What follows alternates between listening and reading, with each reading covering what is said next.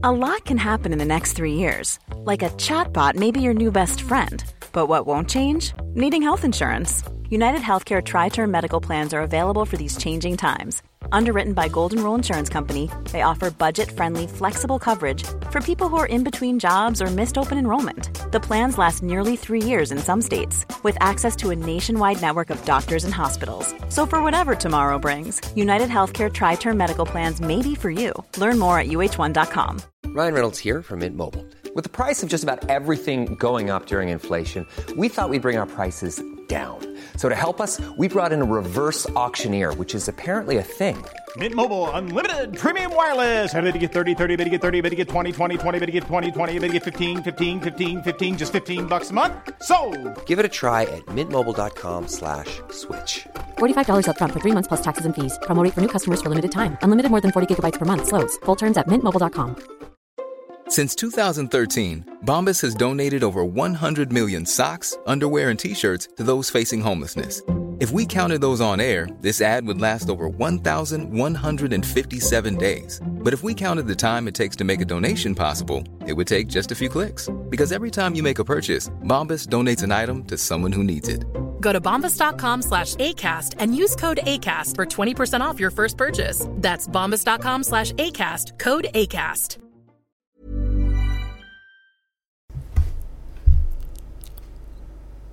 Tjenare, tjenare. Det var Micke Målan här. Eh, vi har en underbart härlig tävling på vår Facebook-sida som eh, heter Götterna. Eh, där första priset är 2500 kronor i presentkort på, på baggish.se.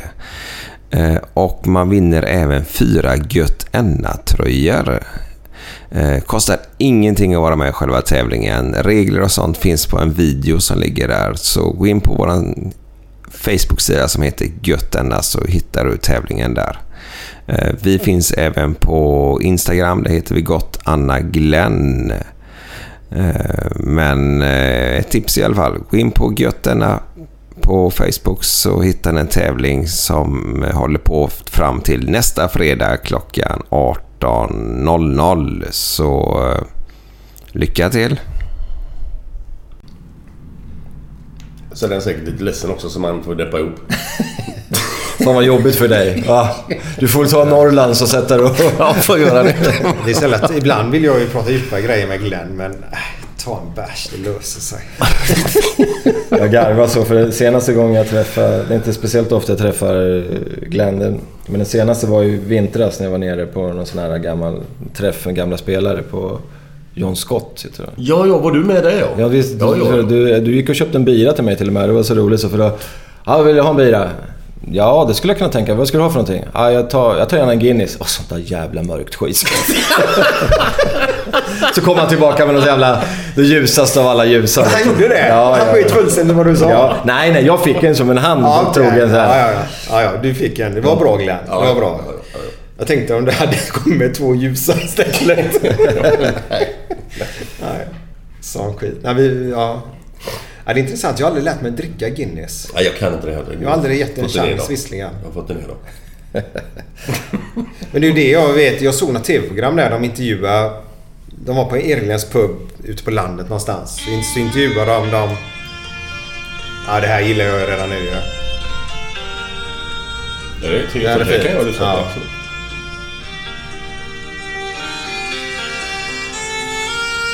Nu är det fredag. Nu är det fredag! Nu är det Götterna. Götterna. Direkt från Göteborg. Med Micke Månaden och Glenn Hysén. Välkomna! Götterna. Nu är det fredag. Nu är det fredag! Nu är det Götterna. Götterna. Direkt från Göteborg. Med Micke Månaden och Glenn Hysén. Välkomna! Götterna. Tjena, tjena! Det var Glenn här. Välkomna tillbaka till eh, Gött podden Idag har vi en snubbe som har spelat fotboll tidigare. Han har kommenterat fotboll tidigare. Och det här är ingen mindre än Pelle Blom! Wow! Vilken gubbe! Underbart! Underbart när du verkligen drar i sådär härligt gott i början på podden jämt. Och sen slappnar av med den eller? Ja, exakt. Ja, det är bra. Det är bra. Ja, Eh, Lasse. Lasse Kronér blev ju rädd senast vi hade honom. Ja, det tror fan det när han fick en kork i huvudet också. Ja, men han sa det helvete vad du drog på där. men det är mysigt är det. Ja, ja, ja. Hej Pelle. Tjena! Hej. Vi är hemma hos dig idag. Ja, Ja, välkomna. tack.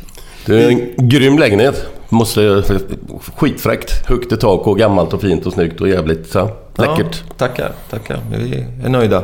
Ja. Lite väl stort kanske egentligen för två personer men det, Ja. det är skönt med yta. Vad är, hur många kvadrat är den på? 200. Oj. Det, då, då förstår ju folk att den är gammal för idag byggs det ju knappt några lägenheter på 200 kvadrat. Nej. Vi flyttade från ett hus för sex år sedan så att, och då tänkte vi nu måste vi bli av med en massa grejer. Men eh, i och med att vi samtidigt köpte en sommarstuga då 30 minuter härifrån från den vägen ni kom. Eh, avfarten till Askersund som det heter. Ja, det. Eh, som var på 50 kvadrat och huset var på 250 så det var liksom bara flytta 50 kvadrat ut i huset och sen resterande hit in. Så, så vi har kvar all skit som vi hade tänkt vi skulle kasta. Då. Ja. Men det är så här härlig, härlig... Du fick ju lära Glenn lite grejer vad, vad en viss apparat betydde här i ditt kök. Ja, precis. Mitt tjänstefolk ja. Ja. När eh, man sitter och äter i matrummet så kan man trycka på en knapp så kommer tjänstefolket springande naturligtvis. Då. Så Då blev Glenn lite avundsjuk på att vi, att vi har det. Ja, det var för jag har aldrig sett förut en sån grej. Nej. Och pigingången också då. Ja, ja den, den som har jag ju sett förut i och för sig. Men just den varianten på väggen. Jag tänkte, vad fan är detta för någonting? Den där dörren, den har smugit ut i bara. Ja, det kan jag tänka mig. Ja. Smygdörren där helt Ja, enkelt. det är bra att ha sådana bakdörrar. Ja. Underbart. Men vi sitter ju här i ett brinnande VM. Gör vi ju. Och du Pelle, gammal expertkommentator. På eh, Kanal Plus, kom hem eller vad var det? Vad hette det? Ja, från början var det Kom Hem. Ja. Eh, sen så jobbade jag på Kanal Plus och så blev det More och sen har jag tillhörde Kanal 5 i rätt många år också. Eh, med, ja, kommentera där rätt mycket. Så det har varit allt ifrån eh, landslagsfotboll till engelsk Premier League till Royal League, den fantastiska ligan som var ett tag. Eh, Allsvenskan och ja, det, Och det Royal mesta League, egentligen. det var väl den på vintern för... för, Mm, för precis. Innan Allsvenskan började. ja. Ja, precis. Ja, det var ju Danmark, Norge, Sverige va? Eller var det? Ja, precis. Den bespottade som faktiskt idag ändå måste man väl ändå säga, även om det blev publikfiasko så var det ju ändå rätt tänkt. Det var lite för tidigt bara. Eh, idag så är det ju Svenska Cupen för Alltså det, det var inte tillräckligt utbyggt med planer och, och dessutom så hade, jag säger vi då vid det tillfället, maximalt oflytet med kanske den kallaste vintern på i mannaminne då. Så att det var ju snö upp till öronen och svinkallt. Och, Så att det vart ju ett fiasko men eh, själva tanken i grunden var nog rätt, rätt någonstans. Men mycket, mycket sånt, alltså just som du säger, låg inte rätt i tid då. Men hade det kommit fem sex år senare så, så kanske det kommer någonting inom snar framtid. Det vet man ju inte heller då. Nej, nej det, det kan ju det kan mycket väl. Det, det, som, det som talar emot det känner väl jag lite grann är ju att Fotboll ofta handlar ju mycket om historia, alltså historiska möten. Allsvenskan brukar man ofta prata om att, eh, att det blir mycket folk här. Det är liksom AIK, IFK Göteborg nu om jag tar det som exempel när Glenn är här. Liksom att det, det skapas ju en eh, antagonism som, som skapar någonting. Men, men om eh, Esbjerg, eh, Halmstad ska mötas, som jag tror det var vid något tillfälle. Och det var snöstorm och de var tvungna att åka till Örebro och spela. Det var liksom tio personer på matchen. Det skapar inte de här Nej. Samma... ja, Det är som hockey-VM också, när man, eller Champions League i hockey heter det väl, vad kan Ja, heta det? ja. När liksom, det är ingen intresse. Det, det, det finns liksom ingen historik bakom någonstans. Och det tror jag kan vara svårare att skapa för att Mm. få det intresset. Men rent, rent sportsligt och eh, att, eh, att liksom mä, mäta sig med varandra, den idén tror jag var helt rätt. Och, Mm och, och tycker fortfarande att den är helt rätt egentligen någonstans. Där. Sen var det upp till, vid den tiden var inte klubbarna mogna heller utan man, man spelade, liksom, var det någon spelare som var, hade lite ont i tån så spelade inte den utan vi måste spara den här till serien. Eh, och då tar man inte riktigt på allvar heller och då tar inte publiken det på allvar heller. Men nu, Svenska Cupen, så kör ju folk. Det är viktigt. Och det var väl dit man var tvungen att komma fram till att det ska vara viktigt. Tillräckligt viktigt för Det att man ska satsa på lite, det. blev lite för mycket träningsmatch över det hela då eller? Ja, i slutändan någonstans i mentalt blev det så. Sen var det ju prispengar och sådär så att eh, jag kommer inte ihåg hur mycket det var. Men det var ju ändå rätt hyfsat tror jag. Så, att, eh, så det fanns ju någonting i potten för klubban i alla fall. Men hur många, många år jobbar du på TV? Jag tror det blev 14 år totalt jävlar, sett. var så länge? Ja, jag bör, alltså grejen var den, jag slutade spela i Gais 2000. Det var mitt sista år. Och eh, hade ingen aning om vad jag skulle göra. Så att sen 2001 så köpte kom hem rättigheterna till alla allsvenska matcher. Fram till dess var det bara en match i veckan som sändes. Och då var det väl Kanal Plus tror jag som sände dem. Och i den vevan så behövde man ju ha en massa nytt folk. Och, eh, allt ifrån liksom, kommentatorer, expertkommentatorer och alla som jobbar med all teknik bakom. Så att det blev någon sorts TV-revolution där. Och, och då fick jag ju förfrågan att börja med det. Och såg jag ju min chans någonstans att det där kan jag ju köra då. Liksom. Uh, och, uh, så de första tre åren när jag kom hem var jag väl den expertkommentatorn som gjorde flest matcher. Jag tror jag gjorde 50 matcher per år eller någonting sånt där. De, sista, de första tre åren. För att jag satsade fullt ut på det. Och, och det var jävligt roligt. Så att, ehm, Vad var det som gjorde att du fick sluta? Ja, det får du fråga cheferna Jaha, de gjorde en... Okej. ja, nej, jag fick inte nytt kontrakt helt enkelt Ja. 2015. Utan eh, de satsade på andra kommentatorer. Mm. Att, eh, Vem jobbar du mest med? som kommentator Ja, eller? ja.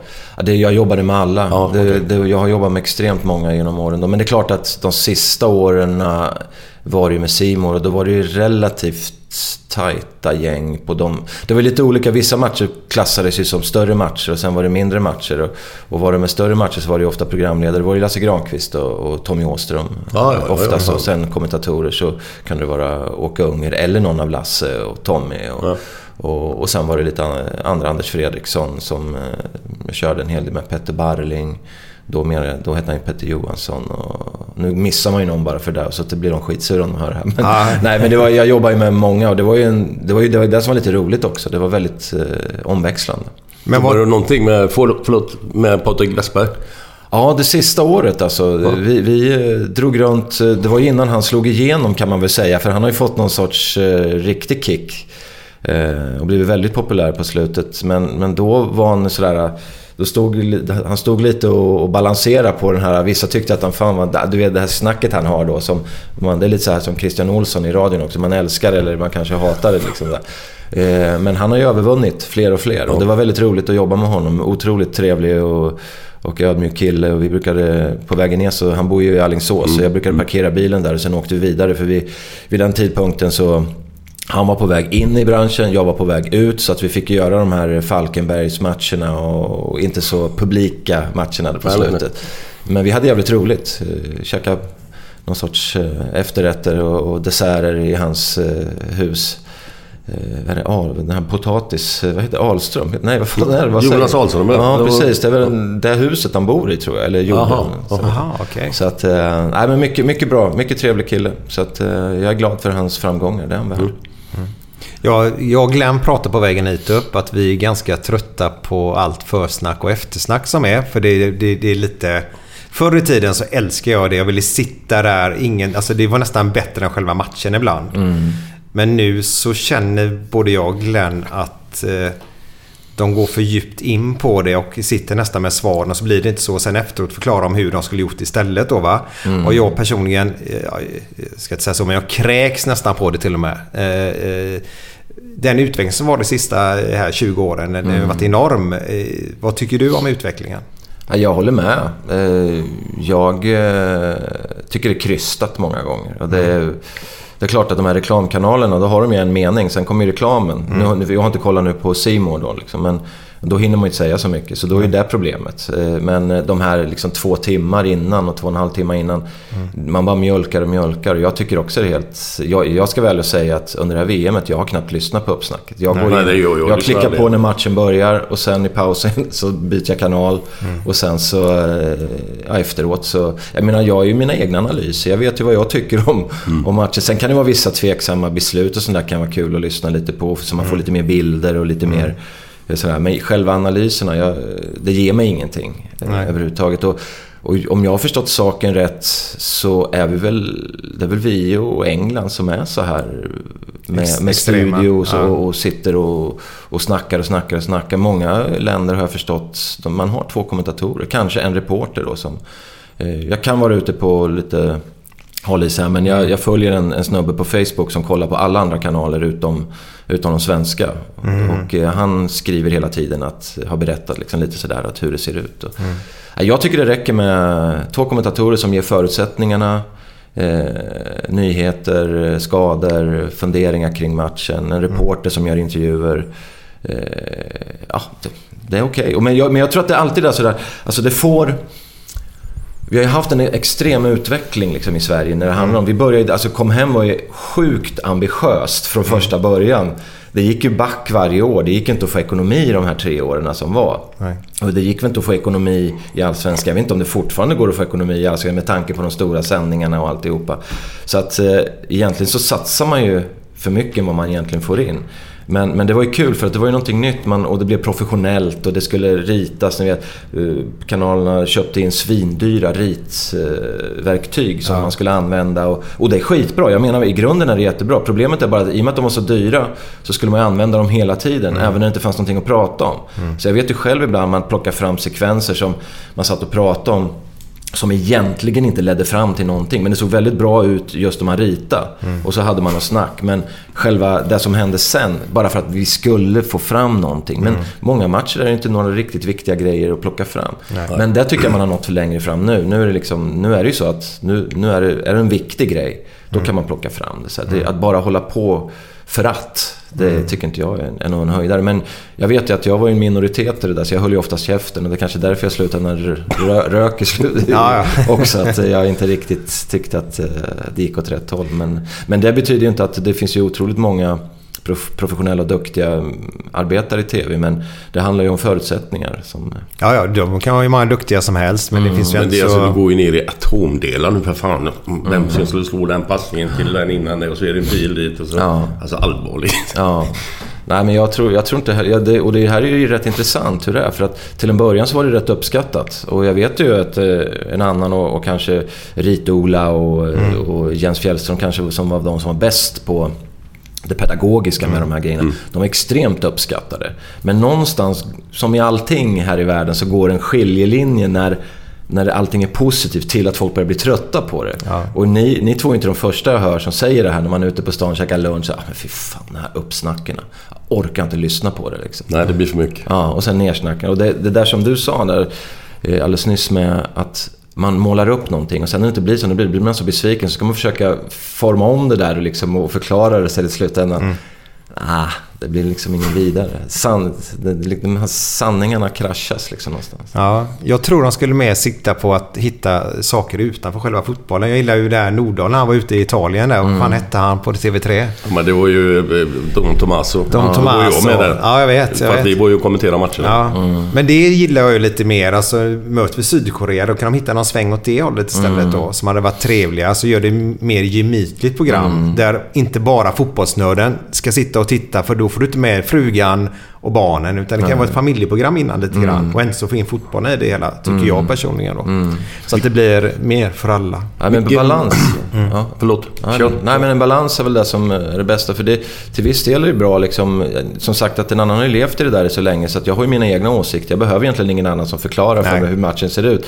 Men det är klart att det finns de som tycker att det är jättebra att få det förklarat och, och därför tycker jag det ska finnas med naturligtvis analysdelar och sådana här saker för att kunna förklara saker. Men jag håller med om, jag gillar ju också mer så här, eh, som går lite vid sidan om och, och eh, som berättar någonting annat egentligen om landet man är i. Därför är vi Erik Niva väldigt populär idag.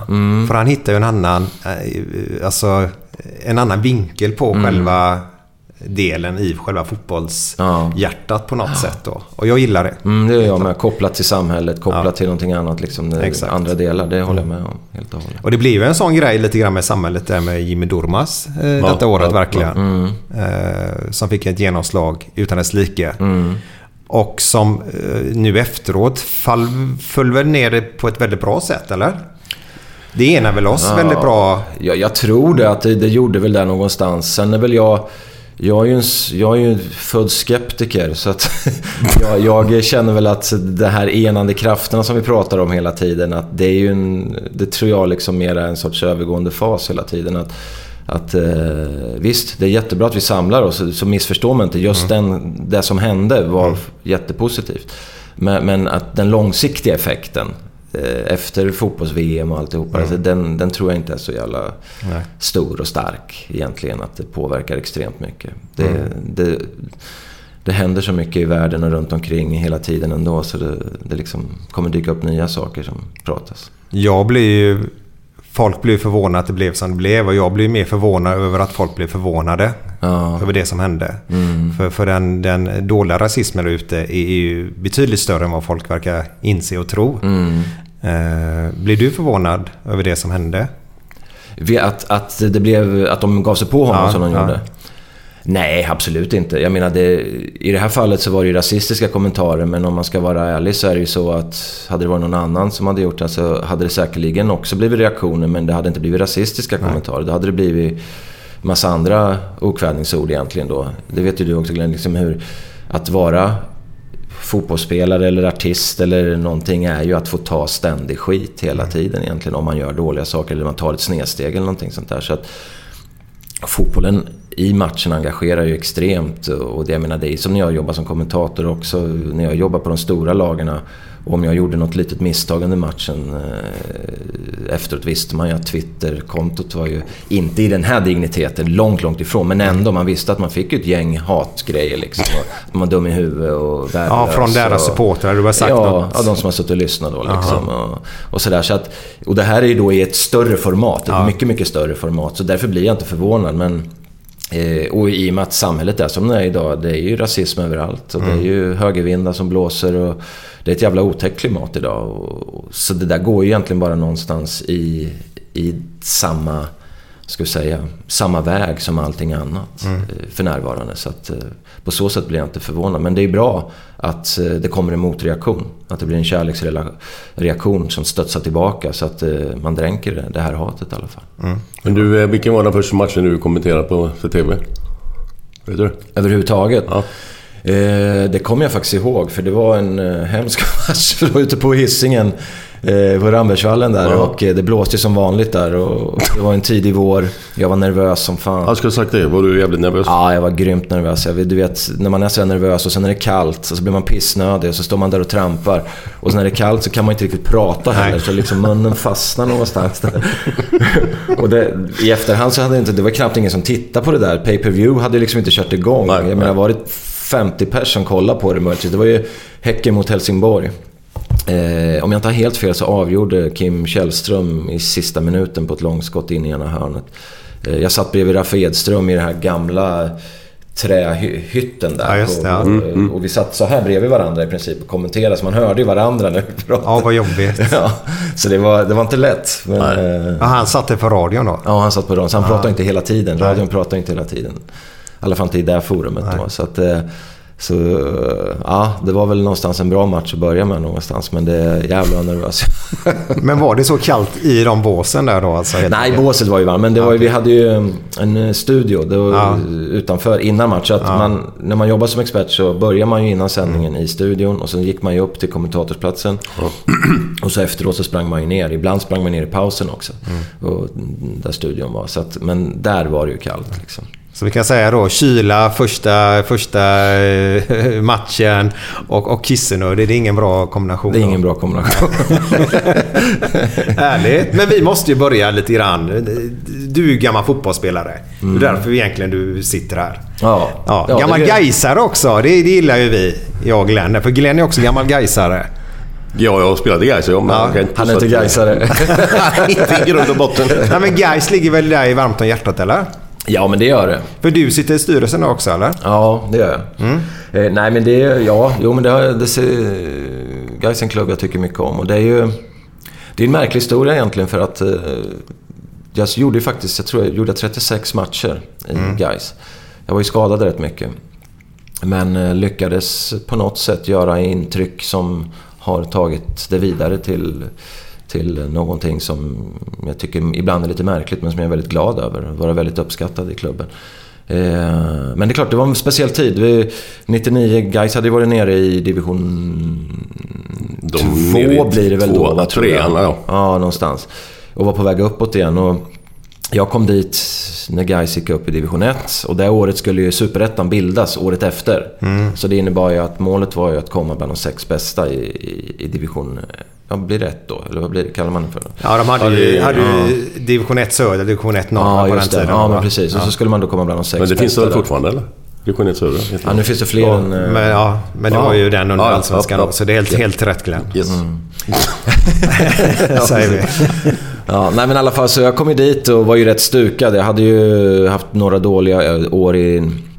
Eller ett dåligt år i Norge där jag bröt benet och fick en massa följdskador och blev bortplockad, utfryst och alltihopa. Så att det var väl egentligen lite nedköp att gå till Gais. Jag hade ju hoppats på att komma tillbaka till Allsvenskan när jag flyttade tillbaka till Sverige. Men fick ju i princip inga anbud. Jag hade anbud från Sylvia i Norrköping, Enköping som var på väg uppåt.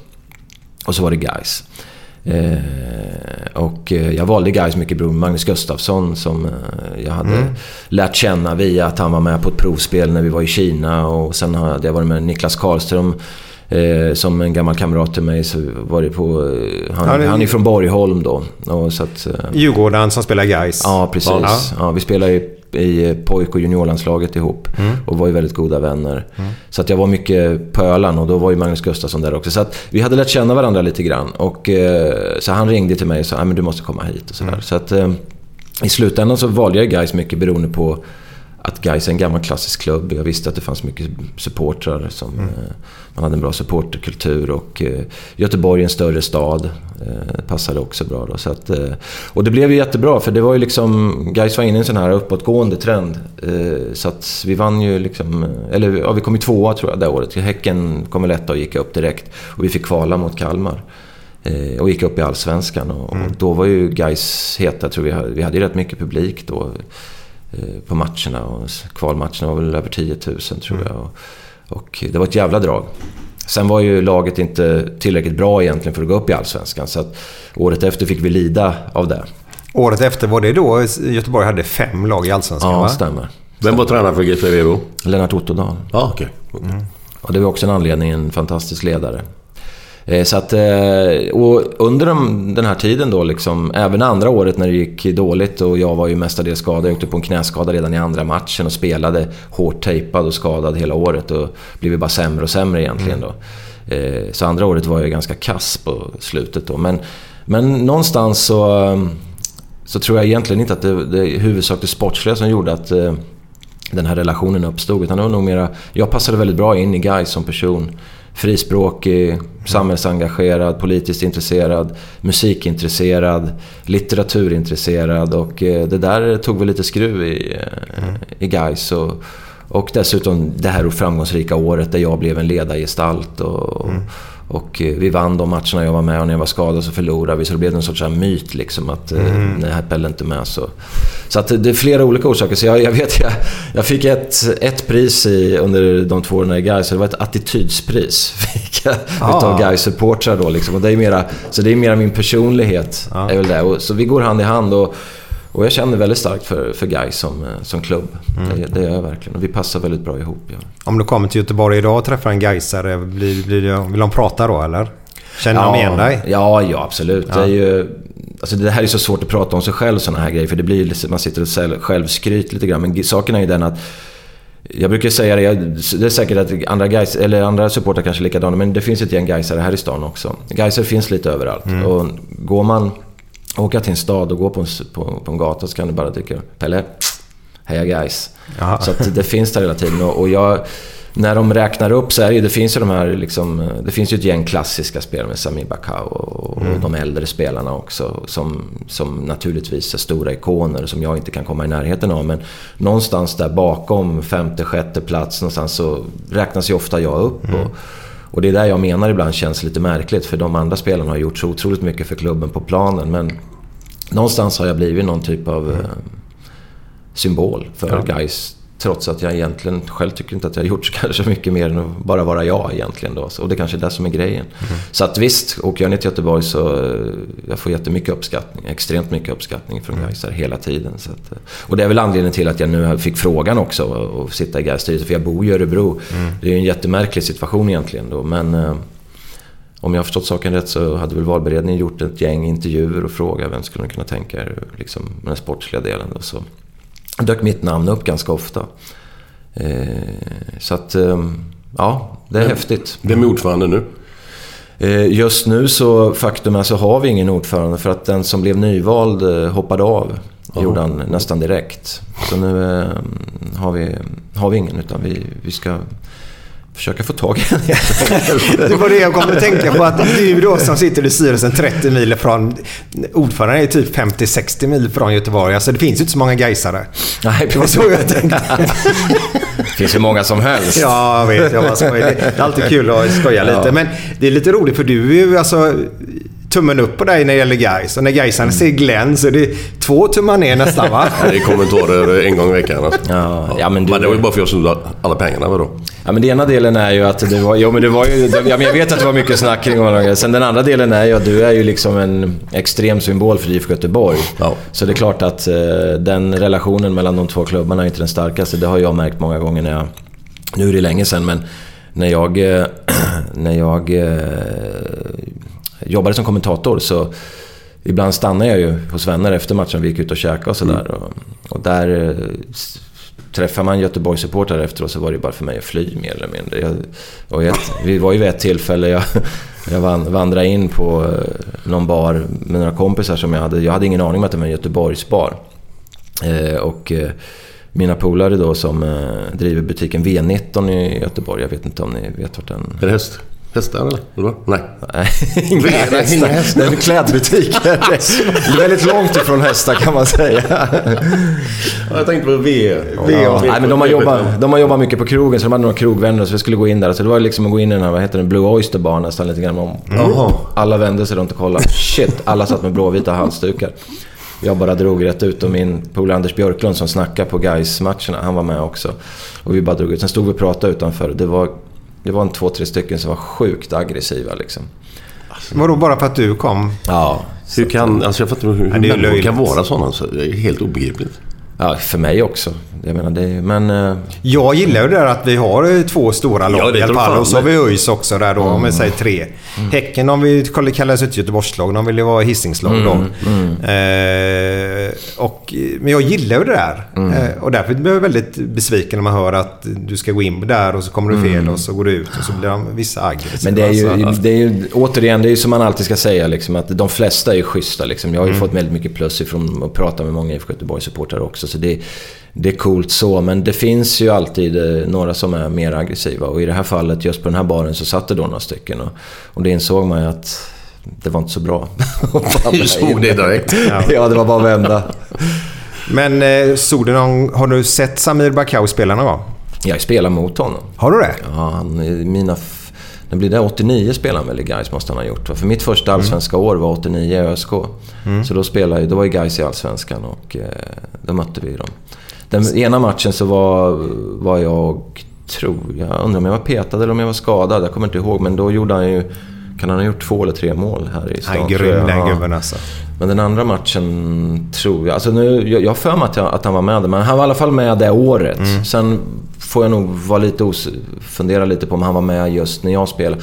Men jag vet att han var med här i stan, men då var inte mm. jag med den matchen. Nej. För då förlorade vi med 3-0 tror jag. En grym fotbollsspelare faktiskt. Ja, det, han var fantastisk. Var mm. Mm. På alla sätt och vis. Ja, så det, det var ju... Han gjorde mål, han var teknisk mm. och hade en stor arbetsradie liksom någonstans där. Så att, eh, bröt väl av ganska mycket. Gais har ju en tradition av att vara lite av ett bonka-gäng om man ska vara riktigt ärlig. Och finner, en, finner någonstans en sorts eh, ska säga, stolthet i att vara lite grann, eller gjorde i alla fall tidigare då. Mm. Mycket långa bollar och kämpa slita och ha kraftfulla spelare. Och det är nog också ytterligare en del att jag blir populär i klubben. Att jag är en slitvarg och mm. jag ger mig aldrig. Jag springer tills domaren blåser och hur trött jag än är. Liksom, och tacklar och vinner bollar och sådana grejer. Så att, det tror jag hänger ihop också med det. Liksom. Det är flera olika saker. Då. Men sen har ju guys nu eh, senaste 10-15 åren har det förändrats. Liksom. Där spelar man en annan typ av fotboll. Mm. Miss, missar man själva grundbulten i, i det hela? Är det, är det viktigt att ha, ha kvar, Glenn och eh, du då Pelle, är det viktigt att ha kvar själva grundbulten i en förening? Alltså, det är lite grann, jag är inne på, Blåvitt är ju om man säger 4-4-2 fotboll för mig. Mm, mm. Eh, kan man mista själen någonstans på vägen?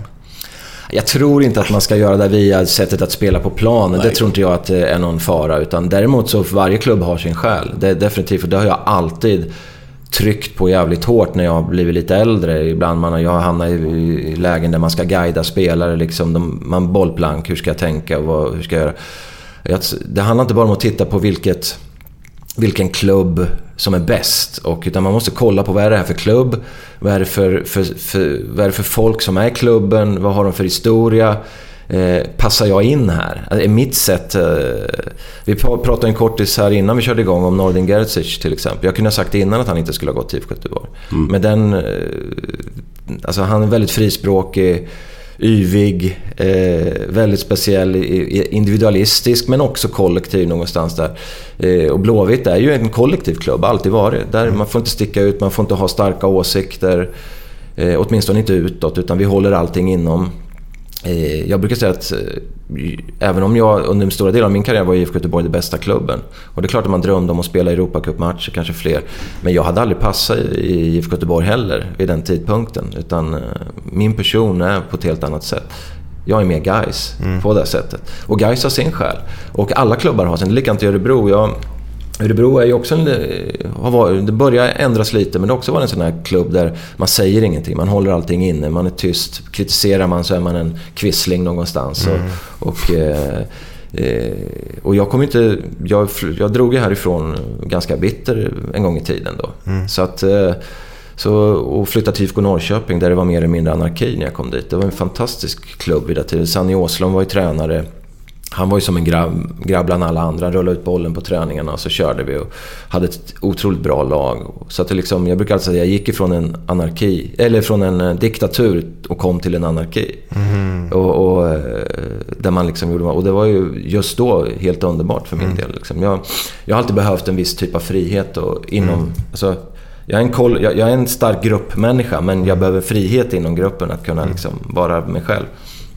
Och eh, i de klubbarna som jag fungerar bäst så är det de som har haft den typen av, mm. av eh, grundkänsla någonstans. Mm. Där. Men, och jag ser ingenting är rätt eller fel i det här sammanhanget utan olika spelare passar på olika ställen. Och mm. det jag säger är att man behöver titta på mer än vad, är den här klubben bra och hur ser lönekuvertet ut? Mm. Man behöver kolla på mer saker än det för att palla med. Vilka var med i Norrköping, Bro? Vad var det för gubbar som spelade då? Eh, Janne Hellström, Patrik Andersson, eh, Kuznetsov, kom, ja, kommer du ihåg ja, honom? Underbar spelare. Slobodan Marovic kom ju som hade vunnit, vunnit EM, eh, eller vunnit Europacupen med Röda Stjärnan. Eh, Sulo Vattovara. Jonas Lind om du kommer ihåg honom. Eh, Jonny Rödlund var ju med där. Ehm, ja, men ja. Lasse Eriksson i mål. Lasse Eriksson i mål, ja. Mm. Men nu har vi ju Pelle här. Det måste du ha lite koll på. För vi pratade om OS 92 i någon podd, du och Glenn. Eh, fotboll var ju mm. Sverige med i OS 92. Mm. Och då pratade vi om någon lång anfallare från Norrköping. Pratade vi om. Och vi visste inte om vi pratade Patrik Andersson, Patrik Nilsson. Patrik Nilsson sa vi va?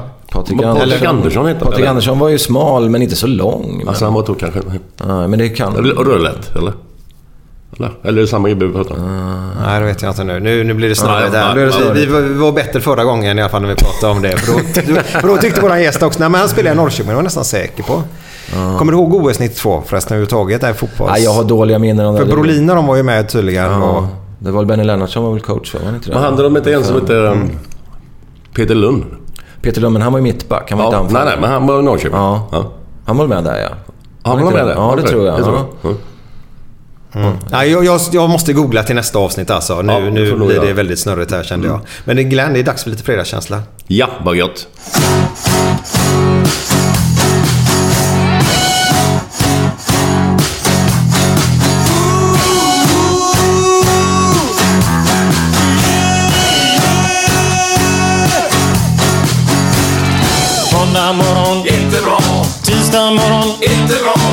Onsdag morgon, inte bra. Torsdag morgon, det är inte bra. Fredag morgon, lite bra. Fredag lunch, mycket bra. Fredag eftermiddag, underbart. After work med karaoke. Man får en öl och pyttipanna. Fredag kväll och livet leker. Man kan inte säga annat än att jag har det gött nu!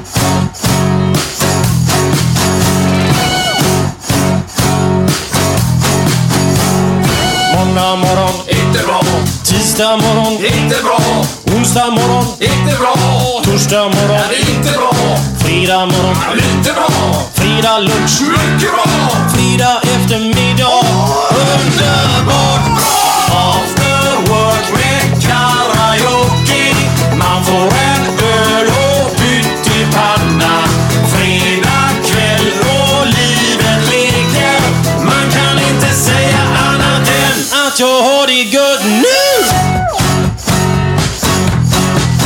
Ja, där hade vi den.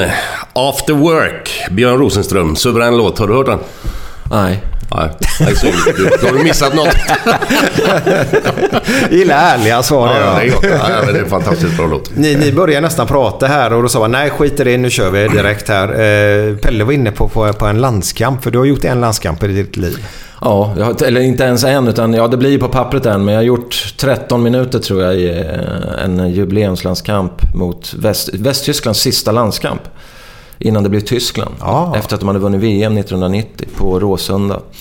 Eh, och eh, då blev jag uppkallad. Jag hade varit med på ett... Eh, på, ehm, en annan match innan, men då, då satt jag på bänken i Danmark i Västerås. Och då var Glenn med på båda de här två Jajamän. eh, ja, samlingarna. Så, att, eh, så jag vet att jag hamnade, hamnade bredvid Glenn i det här invi, eller vad säger man, debutanttalet som ska göras varje gång. Där. Så, återigen, jag, jag, jag är ganska nervös av mig sådär. Så att jag är- höll på att göra i brallan då också. Liksom. Det, du vet, ibland kan man få göra de här debutanttalen på i någon sorts långt bort i stan. När det bara är närmaste gruppen som är där. Liksom. Det är inga konstigheter. Men det här var en jubileumslandskamp och min bild av det här jag tror att den stämmer också, var att alla höjdare i Svenska fotbollsförbundet var där. Eh, 74-gänget var där och sen var tyska laget också där, om inte jag kommer ihåg ifrån 74, i alla fall delar av det. Så att det var ju rätt många när jag skulle stå där och prata. Och den där bara satt och hetsade hela tiden, den gubb, gubbjäveln mitt emot här vet. Men berätta, för jag har aldrig hört talas om detta. Har man ett debutanttal alltså? Jag vet inte om det fortfarande är så, men så var det ju alltid förr att... Det är, väl, det är väl en del av den här eh, penalismen, höll jag på att säga, Ja, ja, så som, som alltid har varit Ja, i fotboll, fanns. eller som fanns tidigare. Att man på något sätt skulle... Nu har, du, nu har du gjort debut i landslaget, nu ska du också få stå upp för någonting annat. Lite inkil. Lite Ja, ja, inkilningsgrej ja, där ja. Så då skulle man ställa sig upp och, och, och tacka sina lagkamrater. Eller du fick ju säga vad du ville, men... men Vad sa du? jag kommer faktiskt inte ihåg. Den, den, den där jag kommer ihåg är att för att det var så märkligt. Min, min landskapsdebut... Eller... Jag var egentligen inte med på, på samlingen från början. Utan jag satt och jobbade. Jag jobbade på resebyrå här bara några hundra meter härifrån. Larsson Resman hette det där. Och eh, fick ett samtal på morgonen. Om att det var någon som hade blivit sjuk eller skadad i truppen. Och, så då ville de upp mig. Så jag satte mig i en, i en bil med chefen. Han skulle ändå upp till Stockholm. Och åkte upp till, eh, till hotellet i Stockholm och checkade in där. Så att... Eh, Jag kom in liksom på eftermiddagen där någonstans när samlingen var inför. Eh, Med mitt uppsprayade 80-talsfrilla då. Fast det var 90-tal. Jag låg väl efter, jag vet inte. Men jag hade, inte, hade inte Tommy Svensson de matcherna, eller? nej, du vet, det här var ju... Det här var i skarven. Det var ju eh, var den, den så den- kallade parentesen, Nisse Andersson. Ja, ja, ja. Och Nisse var det. Ja, så att det var ju... Olle Nordin hade precis slutat och sen Ja. så var det Nisse däremellan och sen kom Tommy Svensson efter där. Och det var väl anledningen att jag fick också. Jag, jag hade haft honom i juniorlandslaget. Han tyckte ju bra om mig, Nisse.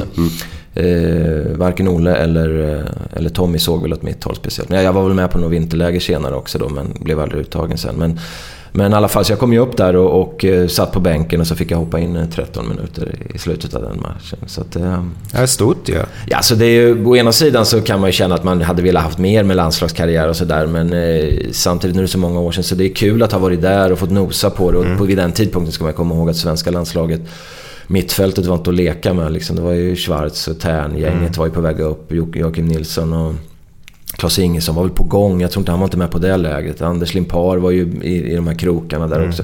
Det var ju precis det var ju det som började byggas 92 och sen 94. Den, det var ju den starten på alltihopa. Så att det var en otrolig... Jag vet att på den tiden sa jag alltid att det, jag ska inte säga att jag var aktuell, för det vet jag inte. Men, men om man tittar på truppbyggnaden så var det väl egentligen Håkan Mild vid den tidpunkten som började komma fram också. Som tog den truppplatsen som jag hade hoppats på att jag skulle kunna Ja, trycka mig in i. Men, men återigen, jag vet ju inte om jag var aktuell. Men jag, jag vet att jag var på i alla fall uttagningsläger, så pass mycket vet jag ändå. Men är det han du kan se dig närmast som spelare? Håkan Mild. Är du samma typ som honom? Eller var när du spelar? Ja, både ja och nej. Alltså, den fysiska delen med, med tacklingar och, och eh, arbetskapacitet eh, och eh, den rollen. Det, det skulle jag nog vilja påstå ja. Men han växte ju... han, och- både han och jag växte ju tekniskt sett ju, ju, ju äldre vi blev. Vi blev bättre med bollen. Eh, Men han blev nog mer offensiv. Han kom ju ofta in i straffområdet och gjorde en hel del mål. Medan jag blev ju mer och mer defensiv. Hamnade i en sorts sittande roll som man kallar det för. Liksom, och i playmaker-roll då, ju äldre jag blev. Så där gick vi väl emot varandra någonstans. Men eh, ja, när jag pratar med folk för så... Jag hade ju båda delarna egentligen då. Alltså jag var en ganska bra passningsspelare. Jag hade ganska bra eh, känsla för djupledsbollar och hitta crossbollar och, instick och sådana här saker. Men i och med att jag låg ganska långt bak i plan ofta så blev det liksom att man var igångsättare och så här.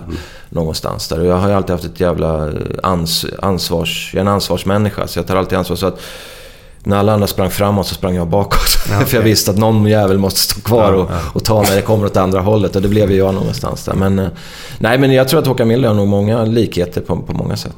Eh, Glenn, nivåsättning tack. Ja, Det ja behövs. det brukar vi köra iväg med. Men har missat det då. Vadå? En nivåsättning nu podden. Ah, det. Ja, vi, vi tar den här då. Um, var en gubbe som skulle spela golf.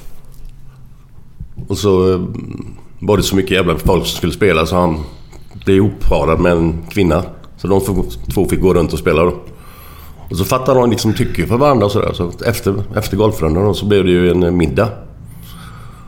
Och så blev det inget mer då. Och sen eh, höll jag på ett par veckor framme. Och de spelade mer och mer golf och allt sånt där liksom. Och, så det, till slut eh, när de hade haft det mesta då, de hade gått igenom allting och... Ja, till slut så fick han ju till det då. Så gick de ut ett par dagar senare igen och så säger hon så här att ja, det är egentligen en grej som jag skulle ha sagt för länge sedan men jag vill inte berätta det för vi hade så trevligt. Jaha, vadå då? Vad... Nej, jag har gått igenom en operation. Jag är egentligen man. Åh herre jävla sa han. Och du som har spelat en damtid hela tiden. Det var ett snog över den andra. Och han fick till allt det. ja. ja, så är det. Så är det. Eh, Är du nöjd med den? Ja, jag tog börja med det så ja. Pelle, jag, jag har hört eh, en grej, eller inte hört, jo men det har jag gjort. Eh, Glenn brukar prata i den här podden ibland att det är tillfällighet som gör att man eh, väljer en idrott. Att man som Glenn var tillfällighet var att Blåvitt var att titta fast de var titta på en annan spelare i den matchen. Men då gjorde Glenn sin kanonmatch. Då fick de upp ögonen för honom bland annat. Då, va? Eh, Men jag har hört att det hade med, med, med eh, hår och örhänge för din del. Stämmer detta? Ja, det gör det faktiskt. Det är väl inte hela sanningen, men en stor del av sanningen är det definitivt. Kan du berätta? Ja, alltså det är ju... Örhänget och håret, har, jag har ju fortfarande örhänge eh, och numera har jag inte så långt hår. Men jag hade alltid långt hår för och eh, det där långa håret har jag fått kämpa för i, i, i hela livet höll jag på att säga nästan. Och det som gjorde att jag valde fotbollen kan man säga, det är, jag var ju ganska duktig i hockey. Jag var, de flesta säger att jag var bättre i ishockey och att eh, hade jag valt hockey så hade jag jag var liksom 15-16 år så det är nästan omöjligt att säga. Men, men många menade att jag, och där var jag en offensiv spelare, gjorde mycket mål och var med i TV-pucken. Vi blev uttagen i TV-pucken två gånger. Först med de ett år äldre, då tackade jag nej för att jag var för feg helt enkelt. Alltså jag, jag, jag kände inte riktigt att den gruppen, jag trivdes inte i den gruppen. Andra året så kom jag med Eh, och då var vi på ett läger utanför Örebro i en, i en mindre stad som heter Hällefors. Och eh, ja, där på kvällen så tog den här ledaren upp mig på ett podium tillsammans med en annan kille, en målvakt. Och han hade också långt hår och började snacka om att anklaga, eller anklagas, men att har man så här långt hår så du vet, då får man loppor och löss i håret och, och det här ska ni fan inte ha utan eh, klipp, klipp er i princip. Då. Eh, och till viss del örhänget också, men det var mest hår, håret i det här fallet. Då. Eh, så att, och jag har alltid... Jag sa tidigare att jag ofta är lite nervös och rädd, men jag har en otroligt eh, stark integritet. Sjukt stark integritet som kan ställa till det för mig många gånger.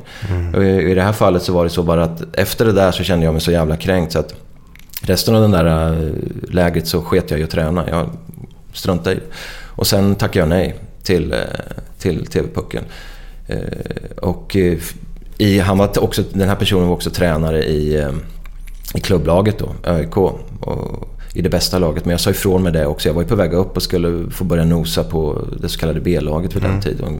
Jag vet inte vad man kallar det i hockey då. Men, Eh, Men gick istället ner till lag två för att de hade en annan ledare och för jag fortsatte spela lite grann. Men i samma veva så var ju det sommaren 1982 då, så jag har ju skrivit en bok, en självbiografi, som jag berättar här ganska ingående då. Så där... Eh, eh, ja, vid den tidpunkten hade jag, ganska, jag hade en ganska strulig tid där mellan 13 och 15 år. Jag drack rätt mycket alkohol, var ute och busade och bråkade på stan och hade mig sådär. Men så kom jag med då på det här pojklag, eller elitpojklägret med Närkelaget och sen blev jag uttagen till, det var två uttagningar med landslaget. Så helt överraskande så blev jag uttagen till pojklandslaget och då blev sommaren 82. Och då kom jag från stan och vi var borta tror jag, i 17 dagar. Det var Nordiska mästerskapen. Sen var vi på en internationell turnering i, i uh, Ungern var vi. Mm. Och sen när jag kom hem därifrån så då gick jag i princip ifrån pojklaget i BK Forward då. Till, eh, på hösten så gick jag direkt uppflyttad till juniorlaget och sen gjorde jag debut i B-laget och sen under vintern så blev jag uppflyttad i A-truppen. Och året efter, 83, så gjorde jag debut då i det som numera är division 1. Oj! Eh, eh, underbara, det gick på ett halvår hela den här svängen där. Så att Mm. det gjorde ju att det naturligt blev eh, att fotbollen tog över Ja. vid den tidpunkten då.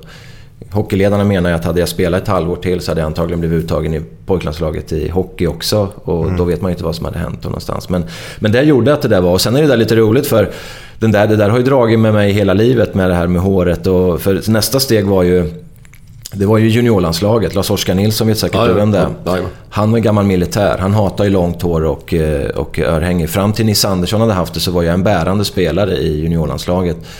Eh, och gick jättebra. Sen tog Lars-Oskar Nilsson över det där. Och började i princip mobba ut mig. Eh, Mm. Håna mig och bråka med mig och höll på du måste klippa dig och såna här saker. Hota och hade sig. Eh, Och då blev jag ännu starkare när det hade handlat om det där. Och sen så gjorde jag idrottspluton i Växjö. Då hade vi någon jävla major som också sprang omkring och skulle att man skulle tvång, tvångsklippas. och sen slutade det alltihopa med att jag flyttade till Kina. Eh, om jag ska dra den historien också. Ja, gärna. gärna. Det är ju hårt att snacka om. det, är, det är egentligen ganska roligt men det, då hade jag ganska långt hår när jag, när jag flyttade dit. Och, Ja, nu är vi 96 då bara. då är vi framme vid att 96. Ja, Lyssnarna är med precis. på... Mm. Ja, men precis. Det, det är några år däremellan. Det är väl tio år mellan lumpen och, och, eh, och eh, Kina. Men i alla fall, jag kommer dit och, och jag skriver på. Och sen har vi ett träningsläger i, i Kunming i södra Kina. I, I över en månad ligger vi på samma ställe. Och där börjar spelarna börja tjata med mitt hår, börja dra i det. Vi kunde inte prata med varandra och så börjar de så här liksom. Jag bara, nej, skärp till. Skojar ni? Jag kommer inte klippa mig liksom. Men sen så visade det sig när man började närma sig serien att det var faktiskt allvar. Att I Kina fanns det då vid den tidpunkten en regel att ditt hår fick inte nudda axlarna. Så att det fick inte vara så långt så att det nuddade Oj. axlarna. Eh, och eh, jag skulle inte få spela ligan om inte jag klippte mig. Nej. Jo. Och då blev jag sådär igen. Ja. Far åt helvete, det kan ni ju glömma att jag klipper mig. Inte utav den anledningen i alla fall. Så jag, jag började ju bråka med det där och det, vi höll ju på alltså, säkerligen två och en halv, tre veckor fram till seriestart. Där eh, min klubbledning bad och bönade att du kan väl klippa det. Nej, det kan ni glömma. Det, jag satt på möten där kinesiska fotbollsförbundet kom och vi slussades in i eh, sådana här mötesrum och, och du vet alla rökte på den tiden och jag satt där och det satt en tio personer runt bordet och tittade på mig och på mitt hår och satt och pratade. Jag förstod ingenting och de hum, tittade på mig och hummade lite och, mm, och så skakade på huvudet och sen så höll på och så rökte. Du vet det var sådana här gamla scener i en sån biljardbord. Ja, exakt. Maffian står där och grejer. Så man bara, fan är det här i alla fall? Men sen visade det sig, för, att- för att komma fram till någon sorts poäng här, så är det i alla fall i slutändan så, första matchen så kom vi fram till, okej han vill inte klippa sig, men om han har tofs då? Så första matchen hade jag tofs. Eh, och det hade ju då kinesiska fotbollsförbundet och höjdarna där, de som tog besluten. De satt ju och tittade på den matchen och det tyckte inte de var snyggt och vackert. Så att, och det kan jag hålla med om. Så att eh, då fick klubben tillbaka, nej det där går inte, han måste klippa sig. Alltså, det här funkar inte. Och jag vägrade fortfarande att klippa mig. Eh, så inför den andra matchen så kom två hårfrisörer upp till mitt rum en tim, eh, ja, två timmar innan match och fönade mitt hår så att det skulle vikas, så att det skulle nå Aha, axlarna. axlarna. så att de liksom de, och sprayade. så det såg ut, du vet, det var som om hela frillan förflyttades av sig själv. Det var som en enda... Så att, eh, och sen eh, under uppvärmningen så kom han som var tolk då, kom ut springande på plan. Pelle du måste komma med här liksom. Då fick jag springa ut från planen och då var det liksom en sån här nedgång nedanför under läktarna. Där jag fick ställa mig mot en vägg och så stod de foton ungefär som på amerikanska filmer med sådana kriminella då, från sidan och från rakt bakifrån och från framifrån. Och de där bilderna skulle då skickas upp till kinesiska fotbollsförbundet. Eh, och, eh, men jag spelade matchen och eh, sen fick vi tillbaka igen att nej, det där går inte heller. Alltså det, det, vi kan inte godkänna du måste klippa det. Och då, du vet ledarna, de bönande var. Till slut så gjorde vi så att vi tog på sidan här bara. Så tog vi en, klippte av en liten tuss. Och den där tussen skickades upp i ett brev till kinesiska fotbollsförbundet, har de berättat. Kan vara ljug, jag vet inte. Men historien är mycket bättre om det verkligen stämmer. Mm. Och efter det så hörde, hörde vi ingenting mer. Mm. Utan då kunde jag bara fortsätta spela. Och under resten av året hade jag klippte mig aldrig där. Så jag, hade ju, jag klippte mig en gång på sommaren när jag var hemma. Så att jag hade ju längre hår än, mycket längre hår än när jag kom dit överhuvudtaget. Så att, men hela den här fighten höll ju på hur länge som helst det kändes mm. som. Och, och, och det jag lärde mig av alltihopa det här är ju att eh, det som i början handlade om mitt hår och regler, det, det slutar ju med att att det handlade inte om håret i sig, det handlade om att jag skulle lyda. Mm. Och att man sätter sig inte upp emot auktoriteten, kinesiska mm. fotbollsförbundet som var detsamma som kinesiska kommunistpartiet mer mm. eller mindre då. För att inte alla de andra ska se att... Ja, att de viker ner sig? Precis. Ja. Så att när de fick den här tussen, då hade de på sitt och vis vunnit då, då mm. kan man säga. Då. Men det är ju lite grann även, man sätter sätt upp mot ledare heller då som tycker vissa saker då. Mm. Det är ju mm. sorgligt ju. Det är ju jättesorgligt att ledare har sån makt. Mm. Eller hade i alla fall. Jag vet inte hur det mm. ser ut där ute idag, men... Eh, men den makten hjälpte ju inte.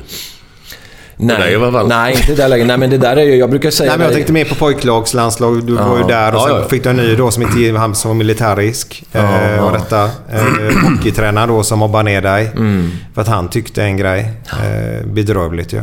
Det är, det är skandal egentligen. Men alltså ledarskapet på den tiden, och det kan du säkert, eh, skulle jag misstänka Glenn också, säga att, liksom, att det var ju så då. Alltså, de flesta ledare var ju auktorit starka auktoriteter. Alltså mm. auktoritära ledare som byggde mycket på disciplin. Att gör det, gör det, det jag säger och håll käften liksom. Det, var, det är så det var. Men det har blivit mycket, mycket bättre men det finns ju mm. fortfarande kvar. Men idag, idag kan du ifrågasätta och utseendet, det är bara att titta på fotbollsspelaren idag. Det spelar ingen roll. Det, nu är det snarare tvärtom att man man skaffar sig någon typ av varumärke.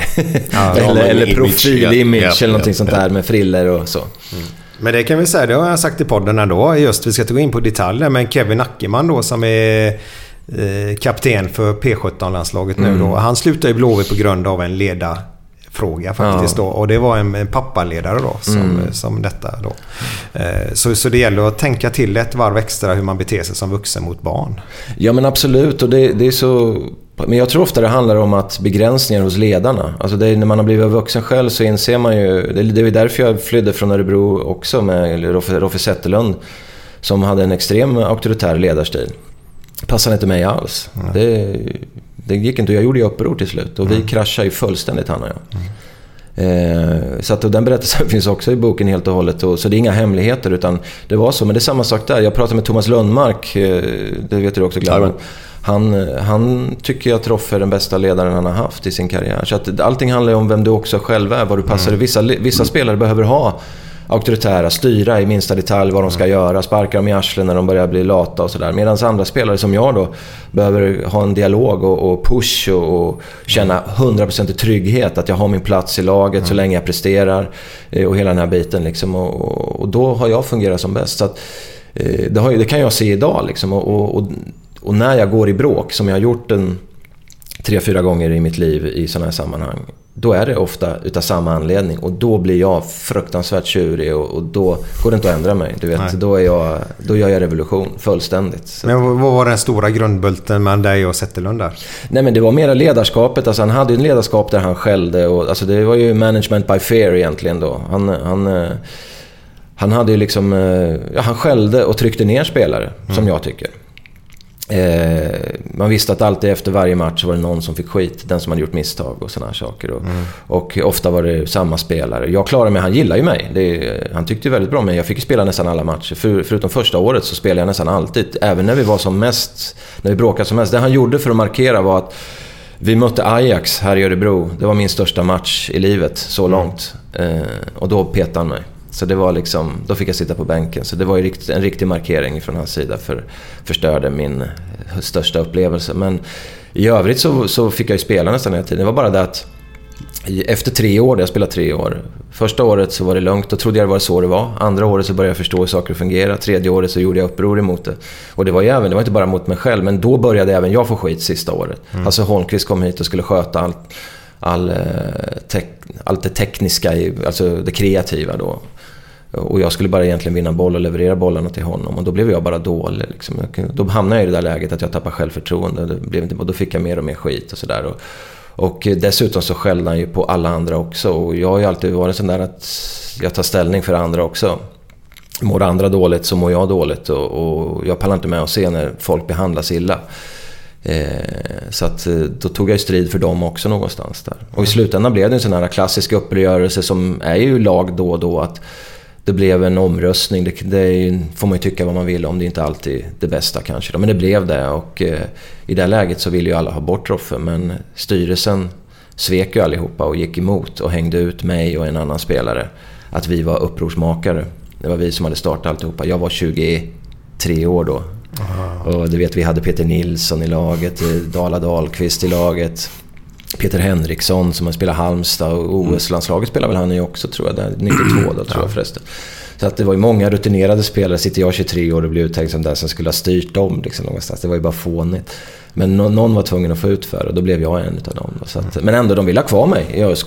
Men jag, eh, jag sa ju upp mig helt och hållet. Jag sa det, jag kommer aldrig mer spela i ÖSK. Och vid den tidpunkten hade jag inga, inga anbud. Så att jag sa ju upp mig utan att ha några anbud. Så jag hade ju lika gärna kunnat hamna i BK Forward igen eller någon annan klubb. Men jag tror det tog två eller tre veckor, sen ringde IFK Norrköping. Det var det enda anbudet jag fick vid den tidpunkten. Och då var IFK Norrköping Sveriges kanske bästa lag tillsammans med IFK Göteborg vid den tidpunkten. Hade Ja, vunnit- det var ju två bra lag. hade vunnit SM-guld och kommit Mm. tvåa då i tre år i rad. Någonting sånt där. Så, att, eh, så det blev ju bra allting. Det var ju jättebra. Och 92-93 är mina bästa år i karriären. De två åren i IFK Norrköping. Så att, eh, Men, men med Zetterlund där, men han borde ju ha gillat din spelstil. Kan, Ja, kan men jag han- ju tycka liksom. Varför, han, varför, varför var han sån då? Ja, jag vet inte. För han var ju sån själv som nej, men jag, jag, jag liksom. tror att det, han- nej, men jag, just det, jag tror det var dit jag skulle hamna när man pratar så mycket. Jag tror det helt handlar om att jag, jag är en person som ifrågasätter och eh, jag tror inte han känner sig riktigt säker med mig. Och Roffe var sån att han, han behövde ha kontroll. Och när han inte hade kontroll, som han inte hade på mig, då, då började han liksom att använda sådana metoder för att få kontroll på en. Men det fick han aldrig på mig. Utan jag gick tvärt emot och, och då blev vi kanske ganska lika han och jag på det sättet. Då, liksom, att lika envisa och bråka. Så att på det sättet passar vi inte ihop. Men jag vill säga det, han gjorde väldigt mycket bra. Första året så gjorde han väldigt bra. För jag kom ju från BK Forward och var ju lite lyxlirare. Hade gått jättebra i, på... Vi hade ju slagits med ÖSK ett par år innan i toppen av gamla division 1. Vi kom i femma ett år med BK Forward och var på väg att bli bättre än än ÖSK här i stan. Liksom. Och, och jag var en av de bästa. Jag och Magnus Erlingmark var ju de, de två stora vid den tidpunkten. Och Så- vad, vad spelar Magnus? Spelar han ihop med dig på mitten ja, då eller? Ja, han spelar yttermittfältare vid den tidpunkten. ja. Så att eh, vi två gick ju samtidigt till ÖSK 89 då. Så, men i alla fall så att och jag, vi hade varit tre veckor i USA på semester när jag kom till... jag hade druckit öl och käkat pizza i tre veckor.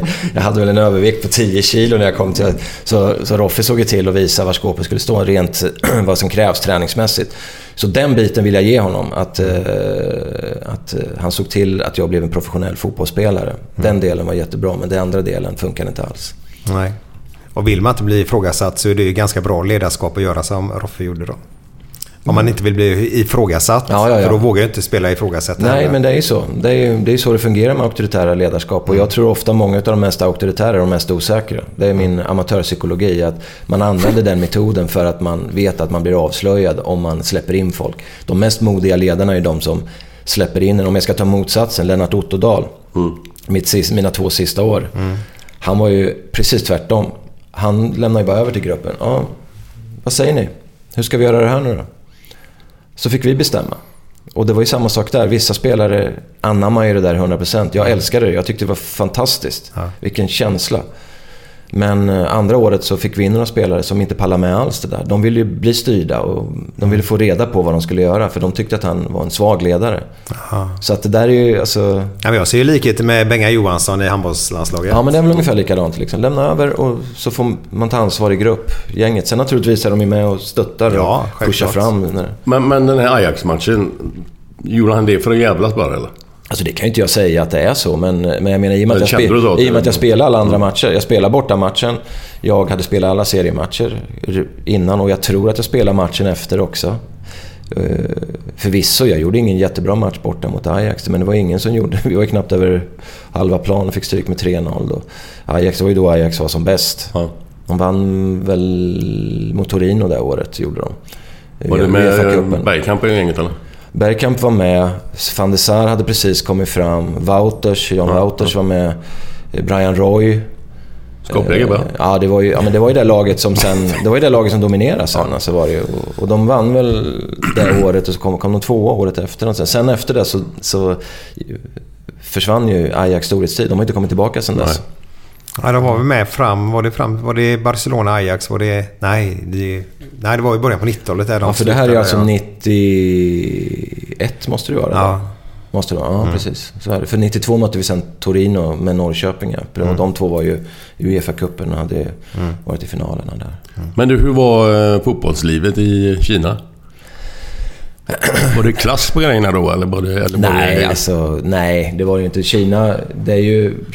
Skulle vi kunna ha en egen podd om någon gång kanske. Men eh, Kina-äventyret är ju jävligt häftigt för att 96 när jag var där var starten, säger många, på hela det som har hänt i Kina sedan dess. Liksom. Det, är ju, det är klart att det hade puttrat på vägen men det var där i början av, av eller i mitten av 90-talet så började hela den här, alla ombyggnationer och pengarna började strömma in både i, alltså i samhället och fotbollen. Så när jag kom dit så var ju fotbollen det var ju väldigt fattigt överhuvudtaget. Eh, mina eh, medspelare hade, bodde ju inte hemma, de hade inga lägenheter. Vi, laget bodde ju på ett enda långt träningsläger vid den tidpunkten. De åkte runt och bodde på olika hotell och träningsanläggningar som var ganska påvra kan jag säga. Eh, så att, och fotbollsplanerna var katastrof. Vi bytte aldrig om på arenorna för det fanns inga riktiga omklädningsrum, det fanns inga duschar på, på arenorna. Trots att de var stora. Vår hemmaarena tror 50 000, det var fullsatt varje gång.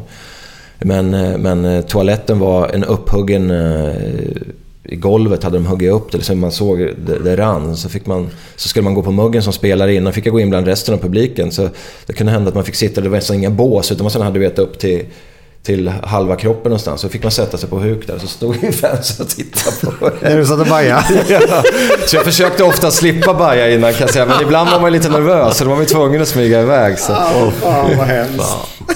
Så att... eh, Så, och, och den staden, Dalian, var ju väldigt... eh, Alltså den, vid den tidpunkten fanns ju nästan inga... Helt, helt, nej, Holiday Inn fanns, men det fanns nästan inga västerländska grejer. Så det innebar ju att man, inget språkligt fungerade. Liksom. Ericsson var där, vi umgicks mycket med Ericsson-anställda, men vi fattade ingenting av språket och, och kulturkrockarna var ju ständiga. Det var ju... Det är verkligen att vända helt och hållet Du, på... du pratar vi, vilka är vi? Ja, jag säger vi, ja, precis. För att vi, det var ju en kille till, Patrik Svensson. Aha. Så det är jag så van att prata om vi när det handlar om ja, det. ja. Han satsade inte så mycket på fotboll efter det. Men eh, han spelade i Motala AIF för den tidpunkten och, Okej. och hänka på. Eh, så... Och sen var ju tjejen med naturligtvis. Där. Jaha, Så det var det jag tänkte Ja, precis. där Nej, men hon var ju med naturligtvis Okej. också då. Så, Ja, ja. Men inte så mycket kring fotbollen då. då. Men, men, eh, så allting runt omkring var ju väldigt, väldigt eh, enkelt och maten var pff, jobbig och, och som sagt att man fick kriga för varenda lilla grej. Så det var otroligt psykiskt jobbigt för att försöka lära känna varandra och förstå varandras sätt att vara. Eh, Men sportsligt så var ju, alltså, det var inte speciellt bra matcher och det var inte speciellt bra klass på... Spelarna var väldigt snabba, de var lite som sydkoreaner och japaner. Alltså kvicka, tekniska. eh, Men kineserna var väldigt dåliga taktiskt vid den tidpunkten. Så jag fick en ganska då stor roll som en defensiv ankare då någonstans. Fick ju en smeknamn som den kinesiska muren kallade de mig på i slutet av året där Ja, någonstans. men- Och, men sportsligt var det ju häftigt för att jag menar, det var ju det närmaste superstjärna jag har kommit. Vi hade ju som sagt 50 000 på varenda hemmamatch. Det var aldrig mindre än 20 000 på bortamatcherna. Det berodde helt och hållet på hur stora arenorna var naturligtvis. Det var fullsatt i princip hela tiden. Det var den första riktiga uppgången i kinesisk fotboll. Marlboro League köpte rättigheterna till pengarna strömmade in i kinesisk fotboll. Eh, och vi hade ständigt två TV-team som reste med oss hela tiden. Eh, journalisterna skrev överallt. Sky, vad hette den? Det var någon TV-kanal som sände kinesiska toppmatcher över hela Asien. Betalkanal förstås. Eh, så att det, det var ju liksom, och gick jag ut på stan i, i Dalians och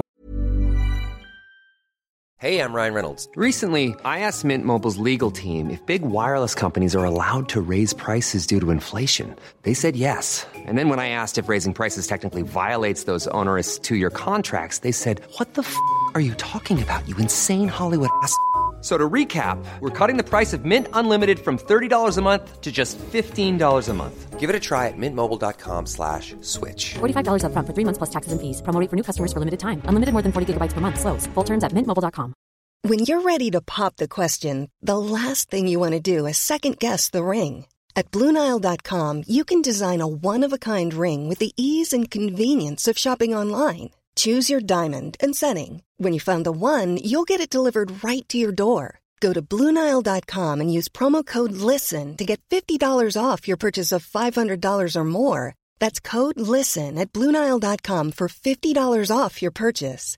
Bluenile.com code LISTEN. Hiring for your small business? If you're not looking for professionals on LinkedIn, you're looking in the wrong place. That's like looking for your car keys in a fish tank. LinkedIn helps you hire professionals you can't find anywhere else, even those who aren't actively searching for a new job but might be open to the perfect role. In a given month, over 70% of LinkedIn users don't even visit other leading job sites. So start looking in the right place. With LinkedIn, you can hire professionals like a professional. Post your free job on linkedin.com slash achieve today. stannade jag vid och i något fönster någonstans på, på någonting så plötsligt så kunde det bara stå hundra personer bakom en liksom, och ville pra, peta på en och ta på en och liksom, kommentera. Och gick jag in på, satt jag på restaurang på kvällarna så stod det alltid typ fyra, fem bira och på bordet där de bjössade på bira och man behövde inte betala maten och sådana grejer. Folk kom utspringande från köket och skulle ha autografer. Och eh, jag vet en episod när jag skulle köpa ett par sneakers och gick in på ett köpcentrum med tre våningar. Och jag satt där inne och testade grejer. Efter ett tag så tyckte jag att personalen började bete sig lite konstigt. Så, så tittade jag ut och då var det fullsmockat på tre våningar. Och stod och tittade på när jag höll på att testa mina skor och sådär. Så, så, att, så man fick ju sin egotripp. Och jag brukar ju säga det att visst, jag hade gärna blivit proffs i Italien och i England eller någonting sånt där. Men jag skulle aldrig vilja bli typ Zlatan-stjärna. Att Nej. inte kunna röra dig fritt ute i städerna utan att folk bara springer. Jag skulle, jag skulle fan med bli nojig. Mm. Jag skulle bli som sån här skådespelare. Jag skulle låsa in mig och knarka och på För att glömma bort vardagen någonstans där. Mm. Men, nej, men det, det, var, det var häftigt men det var påfrestande. Hela... Men var det, var, under den här perioden, var det fler svenskar nere mer än han då, Patrik? I andra, i andra klubbar? Nej, nej. Vi var ju de första, som, vi är de första svenskarna som kom dit. För Linkarna de var ju där samma och Fjällström. Ja, men det var, det var ju det att vi åkte ju... Jag fick eh, erbjudande om att stanna ett år till och väldigt stora pengar. Men jag var så psykiskt nedbruten. Eller jag är psykiskt nedbruten av det här året. För det, var, det är svårt att förklara men det var så otroligt påfrestande med allting vi fick fightas för. Jag menar första tiden så fick vi inte ens bo med våra tjejer. Då skulle vi bo med laget. och var tvungna att fightas för. Jag åkte på en magsjuka som höll på att döda mig. Jag låg på sjukhus och hade 41,5 i feber. Var på väg upp till 42 blev medvetslös. Eh, tjejen, det är hon som har berättat liksom, att jag låg och studsade på ett bord där och, och ett jätteskitigt sjukhus. Eh, och, eh, ja, och sen som sagt alla kulturkrockar hela tiden. Man var tvungen att styra emellan hela tiden. Och aldrig någon, några, ingen information om saker och ting. Vi kunde komma till en flygplats, hade boardingkort, skulle gå på ett flyg men det fanns ingen flyg. Och alla bara, nej så är det. Vi åker in till stan igen och så käkar lunch och så åker vi ut senare så har vi ett flyg då. Liksom. Så att, du vet, det, det, var... Inget organiserat? Ja, det, fanns, det var ingenting liksom och sådär. Men, men, eh, samtidigt, lagkamraterna är otroligt vänliga. Normalt sett brukar utlänningar få skit om det dåliga matcher och sånt där. Men vi upphöjdes till gudar, jag och Patrik. Och sen en, vi hade en kille från Holland som dök upp senare. Som var skolad i Ajax-skolan då. Ignacio Tuhutero hette han, eller heter. Eh, så att eh, vi höll ju tillsammans en del sådär med, med saker. Men annars så, de tog verkligen hand om och försökte göra det. Men du vet, jag var ju bortskämd också. Så jag, kom, jag var ju inte den schysstaste, jag var inte helt öppen i, mina, i mitt sinne. Du vet, rädsla långt borta på den tiden. Du vet, vi sitter här och pratar in en podd. Liksom. Ja. på den tiden när vi skulle hålla, alltså ringa kostar kanske 100 spänn i minuten. Eh, det mejlade var ingen som gjorde. Nej. Vi skickade fax på kvällen när vi gick och la oss och i bästa fall så fick man då något fax på morgonen för att se vad som hade hänt hemma. Men i, som ni säkerligen vet så är det inte speciellt många som eh, gillar att skriva speciellt mycket. Så att du vet, man, man hoppades på morgonen att nu får vi en lång utläggning om vad som har hänt hemma den senaste veckan. Så kommer det vi mår bra, det, solen lyser, det är fint här hemma. Liksom. Så bara, ah, berätta någonting. Så man var ju helt avskuren ifrån omvärlden egentligen vid den tidpunkten. TV-kanaler, vi hade bara japanska och kinesiska TV-kanaler. Nej, för vi hade ju som förstås CNN och, och så hade vi Sky också kanske med nyhetskanalerna. Så där hängde vi med på. Men, så att det, det var jävligt tufft. Så därför så tackade jag nej. Jag orkade inte åka tillbaka. Eh, Ibland kan man ju ångra det utav olika anledningar. Men det var då, året efter då, då var ju, det var ju en rad svenskar där. Det var ju, Linkan var ju där och provspela. Men jag vet inte om han fick, han fick väl inte kontrakt tror jag. Då. Magnus Sköldmark som numera är sportchef i ÖSK, han eh, var där. Han fick inte heller vara kvar. Men sen blev det då Jens Fjällström kom ju dit. Hasse Eklund kom ju dit. Niklas Nylén var ju där. Den sista under den perioden, om man säger den tidsperioden, var ju Peter R. Eriksson. Han var ju där 1999 tror jag. Ja, vad herrar det Men, också. ja, men då hamnade klubben i en sorts kris och då sålde ägaren klubben och då blev Dalian Vanda som det hette, eh, Dalian Chide. Mm. Och, eh, och det roliga är ju den här, eh, han som ägde klubben då, Vanda. Om ni tittar på VM, så de här rullande reklamen så står det Vanda. Mm. Eh, han, har ju, han, han har ju gått ifrån en lokal eh, byggherre, rik, till att vara... För tre år sedan var han ju Ki- världens tredje eller fjärde rikaste person. Och Mm. hade 20% i Atletico Madrid. eh, Köpte upp eh, SF i Sverige, biograferna har ju han varit delägare i. Eller om man, jag vet inte hur mycket han äger i det men han har stått i Hollywood och berättat för, för eh, alla filmmakare att ni gör för dåliga filmer. Ni, ni måste göra bättre filmer. Och, och har köpt upp filmbolag där också. Han har haft en dröm om att skapa ett kinesiskt Hollywood. Så att han är ju en gigant, men nu hörde jag senast jag var över, jag har ju varit tillbaka ett antal gånger, att han har hamnat lite i onåd. Så vi får väl se vad som sker. Var det någon mening att lära sig kinesiska eller? Jag, jag ångrar ju att jag inte gjorde det. För att det hade ju varit kanon idag liksom, att kunna göra det. Jag, jag har ju varit tillbaka flera gånger och det är så tråkigt att inte kunna prata med sina gamla lagkamrater som jag träffar. Jag får hela tiden använda en tolk. Eh, jag var ju tillbaka senast bara för någon månad sedan var jag och hälsade på. Så, jag kan bara några enstaka fraser och sådär. Men det hade varit kanon att lära sig det. Utav flera olika anledningar. För att Kina kommer ju vara en dominerande faktor i, i världen under många år framåt. Vad har hänt senaste år om man säger från 90, eh, vad sa du? 96 där till eh, dags dato? Alltså tittar man, det beror på vad man tittar på, men tittar man på utvecklingen av städerna, infrastruktur och hela den här biten så är det ju helt sjukt. Det går inte ens att förklara. Jag, jag satt igår och pratade med en person och försökte säga att det är ungefär som om du tänker dig att Örebro på den här tiden från 96 till nu förvandlas till ett Manhattan. Ja, på, så på. Mm. de åren. Det, när jag var där så fanns det kanske... Alltså vägarna var jättedåliga, det var trångt i stan, det var skitigt, det var grått. Eh, kom man lite utanför stan så fanns i princip ingenting. Det var stöts och det var, blev liksom direkt jordvägar Mm. och sådana grejer. Ut mot kusten så var det någon strand och lite hotell och sådär. För det, är- det är en ganska... Det är en halvö som går ut så det är, det är en sommarresidens liksom för många som kommer dit. Men, eh, men nu när du kommer dit, alltså det, det är som allting är nybyggt. Så du, du kan få tag i vad som helst där. Och det, det är en, av Kinas största djuphavshamnar finns där uppe också. Så de bygger stora eh, arméskepp där som jag åkte förbi nu när jag såg. Och de har byggt ut hamnen så att de har byggt eh, stora bostadskvarter där nere också. Och, och, och i och med att det är en ganska begränsad yta, i och med att det är en halvö, så Mm. finns det inte mycket mark som helst. Så därför bygger de på höjden. Så det, blir, ser nästan ut som ett mini-New York när man är där. Liksom. Mm. Och, och, eh, och där, jag var ju jag var där och, var med på några sådana här event på eh, köpcentrum. Där, eh, ja, de hade olika grejer de höll på med och pratade om fotboll och VM inför VM då som det var. Och i det området dit ut åkte vi ibland på och spelade, tränade lite och sådana grejer. Det fanns knappt inga hus, det fanns bara industrier där ute. Och Nu är det också bara stora höga byggnader. Köpcentrum, köpcentrum, köpcentrum, köpcentrum. Alltså det, det, går, det går faktiskt inte att beskriva, det är helt sjukt. I övrigt så, så är det naturligtvis att alla har fått det mycket bättre. När jag var där var jag svinrik i jämförelse med mina kinesiska kamrater. Nu när jag kommer dit så har ju de bättre ställt än vad jag har. Eh, så det har ju liksom förändrats helt och hållet där. De, de flesta av dem har ju lyckats väldigt väl. Jag var väldigt orolig för många av dem. eh, på många olika sätt. Men, eh, eh, men det har gått jättebra för nästan alla. Och naturligtvis bo, boendestandarden är ju helt annorlunda. Mm. Eh, mentaliteten har ju, de har ju öppnat sig mer mot yttervärlden naturligtvis. Då, men det är fortfarande så att det, just i Dalian alltså, så är det inte så många som kan engelska än heller. Utan det, det har inte hänt så mycket. Sen, sen fotbollen är ju sådär att den, den har ju gått... 96 var den på topp. Sen var jag där första gången jag åkte tillbaka, var tio år efteråt, 2006. Då trodde jag fortfarande att fotbollen var jättestor. Då hade Dalian 5000 på sina matcher på en arena på 45 000. Så då var fotbollen nere i en jättekris. Ingen ville investera i fotbollen.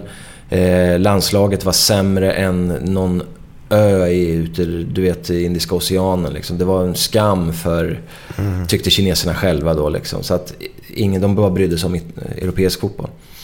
Och sen strax efter där så gick ju politikerna ut och sa att nu ska vi investera i fotboll igen. Och sen dess har det ju då, där vi ser idag, att det har från botten så är det nu att man bara öser in pengar ja, De pumpar ju verkligen in pengar i ja. fotbollen idag. Men lag, lagkamraterna, var de, umgicks ni liksom mycket vid sidan om träningar och matcher eller? Nej, det, och de hade nästan ingen fritid. Det var... lagkamraterna 96 när jag var där så var det att vi, vi spelade, alltså de reste ju runt i princip på, som ett träningslag. De bodde med laget hela veckan. Sen så efter match så tränade vi dagen efter på morgonen. Sen hade de ledigt hela eftermiddagen och fram till lunch dagen efter. Och då gick alla ut och söp i ett dygn, höll jag på att säga, i ett halvt dygn. Eh, och rökte som galningar och träffade sina tjejer och såna här grejer. Och sen så var det tillbaka in i bunkern igen och så levde de där. Så att... Eh, så det, vi kunde inte... På sätt och vis umgicks vi med att vi reste med dem så. Men, men, inte... Privat gjorde man ju ingenting. Det, mm. Några enstaka gånger var vi ute och käkade på samma restaurang. Liksom, sådär, men i princip inte. Mm. Tyvärr. Du, du, sa att när du spelar fotboll så gillar du att ha trygghet mm. eh, där. Och när du var i Kina då så kände du ingen trygghet och mm. därför ville du inte vara kvar där. Mm. Eh, eh, och det skapar lite ångest för dig då. Men det finns ju fler grejer Glenn som skapar ångest för våran vän här idag. Absolut.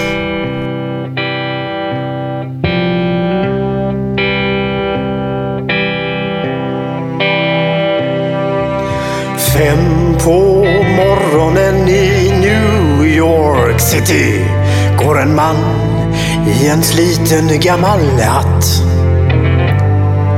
Sveper rocken kring den tunna kroppen. Huttrar till, det har varit kallt i natt. Ser en strumpa sticker ut ifrån hans sko. Vandrar vidare men utan framtidstro. Fem på morgonen i Hallonbergen står en kvinna med gråten i sin hals. Tittar håglöst in i morgonsolen. Hon är trött, hon har inte sovit alls. Två av fem miljarder människor på vårt klot men mot deras ångest finns det ingen bot. För de är ledsna för att de inte är från Göteborg. De kan inte se hur Gustav Adolf pekar på sitt torg. Det är inget fel på att vara etiop. Men inte riktigt rätt ändå, det vet de allihop.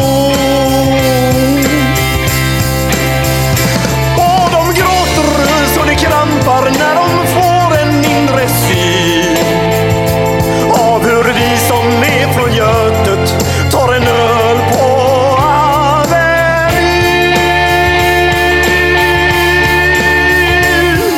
En fotbollskille får sitt genombrott och snackar proffskontakt med fem italienska klubbar. Ändå känner han att tåget har gått. En annan gubbe med en ollontusing och en latextjuva skriker ta mig rör gubbar. Men det ger honom inte nåt. Samma tomma blick och tårar salta smak. Om man frågar säger båda samma sak. De är ledsna för att de inte är från Göteborg. Mölndalens torg. Det är inget fel på att vara från Mölndalsbro. Men 14 stopp med fyran svider mer än man kan tro. Och de gråter och slår det krampar när de får en mindre. Har vi vi som är från Götet? Har vi vi som är från Götet? Vi kör på direkt. Blom, är, är, är, det, är det, det är ett vanligt namn bara eller? Ja, eller är det, det- inget det- sådär nej, det är ganska släktaktigt här om man säger så eller? Nej, inte här uppe i kroken. Utan det är Blom är väl ett gammalt... är det soldatnamn eller om det Ja, det var väl soldat... Boom. Boom hette han gruppen. Men så hade vi han som, som sov på... eh, på eh, ja, det här är ju inte podden nu. Han som eh, tecknade gubben. Ja, ja, du... sov, Ja, ja, ja, ja, ja. Hette han? Och sju, han, inte... inte Nej, inte 87. 91 han Löken eller vad fan heter Ja, de? men det var ju en annan... eh, Var han från Norrköping tro? Eller var han Örebro? Ja, du menar han som låg sov, sov på soffan? Alltså, Kron- Kronblom? Kronblom, ja. men det är förknippat med Med Örebro. med Örebro Ja. egentligen. Men han, han som ritare är ju inte från Örebro från början, men han flyttade hit och Ja, har bo, bott mycket här. Men, men det är ju det är, att du tar upp det. Den, är lite livat just nu, för det har funnits ett litet minimuseum om Kronblom. I en, eh, vi har en gammal trästad här i stan som heter Vadköping. Ja, det är jättefint. Ja, så där har det varit ett Kronblomsmuseum. Men den eh, ska de flytta nu för de ska in med någonting annat. Så då har det varit lite livat i tidningen nu kring det här. Och i och med att han har varit så starkt förknippad med, med staden. Men det var ju länge sedan han var... Ett tag när jag spelade i ÖSK så var ju, hade, var ju Kronblom med på alla våra matcher. Mm. Hemma och borta som en maskot liksom gick omkring på matcherna. Numera står han staty i Adolfsberg som det heter. Det Mm. en villa, villaområde här. Ah, Precis där ni kom in i princip. Mm. Eh, I helt andra färger. Där tror jag han har... jag Undrar om han har Adolfsbergs IKs färger svart och gult eller... Ja, för jag får ju lite ljusblått på honom. Ja, eller blått. det har du på. Eller Ja, gult, absolut. På blått och gult. Men nej. Nej, men han, har inte, han hade ju ÖSK-kläder under många. Du ser ju Ja. det förresten. Ja, exakt. Där är han ja. Årets Kronblom har jag blivit, 1990. Herre jävlar vad fin den var. Är det som eh, änglarna där? Samma blåa Änglarna, det, vad heter det? Årets ängel eller vad fan kallar man det? Ja, jag är dålig på det. De får vi skjuta oss. Men den var ju riktigt fin ju. Ja, men den där... är- Det värsta är ju att barnen som växer upp idag utan aning om vem den här-? Nej, nej, nej. Och det är ju sorgligt ty- tycker vi då Ja, som växte ja, upp ja. med honom på ett annat sätt. Ja. Riktigt sorgligt. Men så är det. Tiden går framåt. Eh, vi kör på Glenn. Ja, allt detta det- utan, utanför sändning. Nej, jag kan lägga det som försnack. Ja, ja. Men jag vill tillbaka till forward i alla fall. Kör du.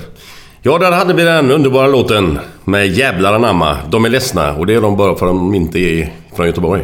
Det är Så är därför det. de är så ledsna. Glenn tycker det är görkul. Tycker det är görkul. Självgoda göteborgare här. Ja, ja, Men man ska vara lycklig över sin stad lite grann. Så tycker jag då. Om man nu har bra minnen av den då vill säga. Ja. Eh, Men du började spela fotboll i BK Forward eller? Ja, Stämmer det? Ja. Ja. Jag är uppväxt i ett område som heter Markbacken som ligger precis på gränsen till Trängens IP som är på västra sidan av stan.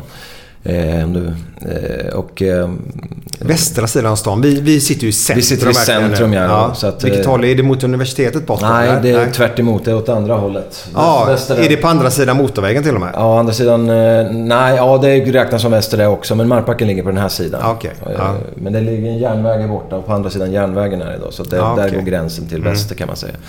Så att, och det är viktigt i den här stan. Det är en liten stad men gränserna är ganska klara med Mm. norr och väster och öster och söder faktiskt. Det är lite så. Så väst, väster är lite, vad ska man säga, jag vet inte vad man ska kunna kalla det för Göteborg. Jag har inte den kollen på det. Men i Stockholm så är det mer lite så här söderkänsla över många unga. Det händer mycket, både bra och dåliga grejer. Så Mm. Ja. I och för sig söder har det förändrats i Stockholm. Eh, nej men forward, Markbacken. 70-tal var eh, det här eh, stadens kanske värsta ställe att växa upp på. Det var bara droger och skit kring det där eh, i Markbacken. Och stans billigaste lägenheter. Det var ständigt bråk. Eh, och där liksom höll jag på och eh, som jag sa tidigare, jag hade liksom några år där det var på väg åt Ja, du sa 13 till 15. Det lät väldigt tidigt. Ja, det var väldigt tidigt. eh, Men eh, man började tidigt här. Ja, ja. Utav tyvärr. eh, Umgicks med lite äldre människor då? eller? Ja, jag, har- jag har alltid umgåtts med äldre utav någon anledning. Det Där är ju det- oftast problemet lite grann. Ja, precis. Så att, eh, det är väl en del gamla vänner som inte har gått så bra för kan man väl säga. Så att jag hamnade i ett vakuum där någonstans. Och sen så när jag kom upp i fotbollen så var jag också äldre. Så att jag har ju alla mina Mm. bästa vänner, de, jag är 51, de, ja, de börjar närma sig 60, må- en hel Okej. del av dem. Och sådär. Ja. Inte alla, men en, en Mm. del av dem. Så att, eh, men då ligger forward det här området låg precis... Min port jag växte upp i så kunde jag... Min första lägenhet med familjen så kunde jag stå ut och se, se ut över BK Forwards hemmaplan.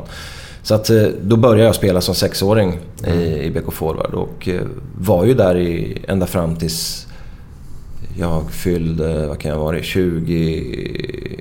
2021 någonting sånt där. Eh, kom jag upp i A-laget som sagt 83. Mm. Då var jag ju 16 första året. Och sen eh, var det ju division 3, gamla division 3 på den tiden då. De första åren. Sen gick vi upp, eh, slog ut Falkenberg i ett kval 1986. Så 87 och 88 var ju det som gamla division 1. Alltså Mm. norra och södra som är Mm. superettan idag kan man säga. Eh, och jag spelade hela den här vägen då och egentligen så de sista åren så, jag var ju någon sorts supertalang blev ju efter det här med landslaget. Och då var jag och Erling Mark, återigen, jag var ju ett par år före honom i, i den här utvecklingen då. Men av någon anledning så blev jag aldrig riktigt värvad. Utan eh, det var många klubbar som var intresserade av att titta men de valde aldrig liksom mig. Utan, eh, så jag var ju på väg att ge upp lite grann när, när ÖSK gick upp i Allsvenskan 1988 på hösten slog de ut Vasalund. Mm. Eh, och då, kom ju Roffe Zett, eller då var ju Roffe Zetterlund tränare och då värvade ju han mig och Magnus Erlingmark. Så att jag spelade ganska länge i BK Forward. Så BK Forward är ju mitt hem och min... När jag ska ut och träna, som jag inte gör så jävla ofta nu för tiden, så, så tar jag mig ofta över på västra sidan och, och joggar runt på, på arenan. Och, Få så här en skön känsla. Ja men man får precis, det är lite rocky över det liksom. Mm. Tillbaka till eh, grunderna någonstans där. Och, och gå runt i området och köra lite sit-ups och, och lite sådana grejer. Det, det, jag vet inte, fånigt kanske men det, jag triggas lite av det. Så, att, så för mig är det väldigt mycket hemma, forward. Och det är ju, när folk frågar var har du ditt hjärta? Jag har mitt hjärta på flera ställen men det är klart att BK Forward är liksom en sorts grund för mig. Liksom. Det är ju, där känner jag ju, det är ju verkligen en hemmakänsla. En gammal anrik förening kan man väl säga. Ja, det är 1934 tror jag den är, men det är Mm. Men tagit fram mycket talanger va? Eller mycket bra fotbollsspelare genom åren? Ja, för att vara en, en, den typen av klubb så är det väldigt många faktiskt allsvenska kl- spelare som har gått den vägen. Det började väl någonstans med Hasse Borg.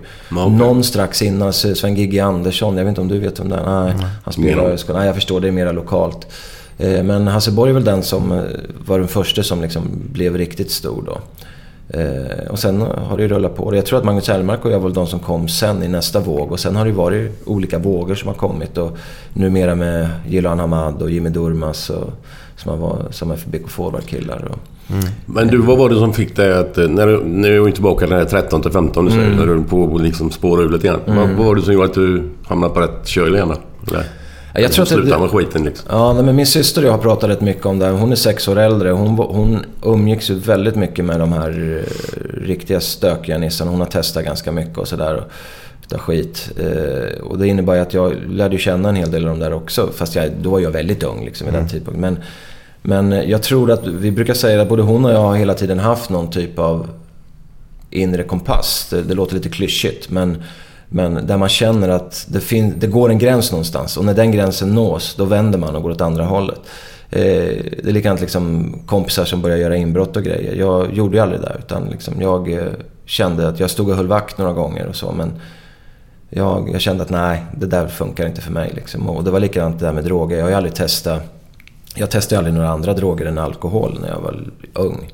Eh, för det kändes inte rätt någonstans. Jag har testat någon gång senare i livet då, men, men vid den tidpunkten absolut inte. Liksom, det, och, och, och sen i och med att jag kom upp i fo- fotbollens A-lag där ganska tidigt så blev jag mycket mer mogen. Eller jag, då, mina gamla vänner säger att jag var mogen redan innan någonstans. Så jag har väl varit en ganska eh, mogen person. Och det tror jag också handlar om uppväxt i familj. Att min, eh, mina föräldrar hade kioskverksamhet. De jobbade väldigt, väldigt mycket. Jag fick ta hand om mig själv. Min syster tog hand om mig när jag var riktigt liten. Sen när jag blev lite äldre så hade jag väldigt mycket frihet. Jag fick vara ute ganska sent på kvällarna.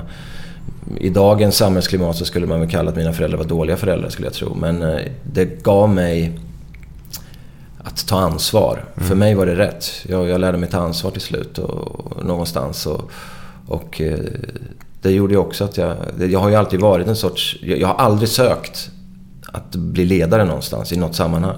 Men i alla fotbollsklubbar jag varit så har jag blivit spelarråd, jag har varit lagkapten och, och i olika sammanhang så hamnar man i någon sorts...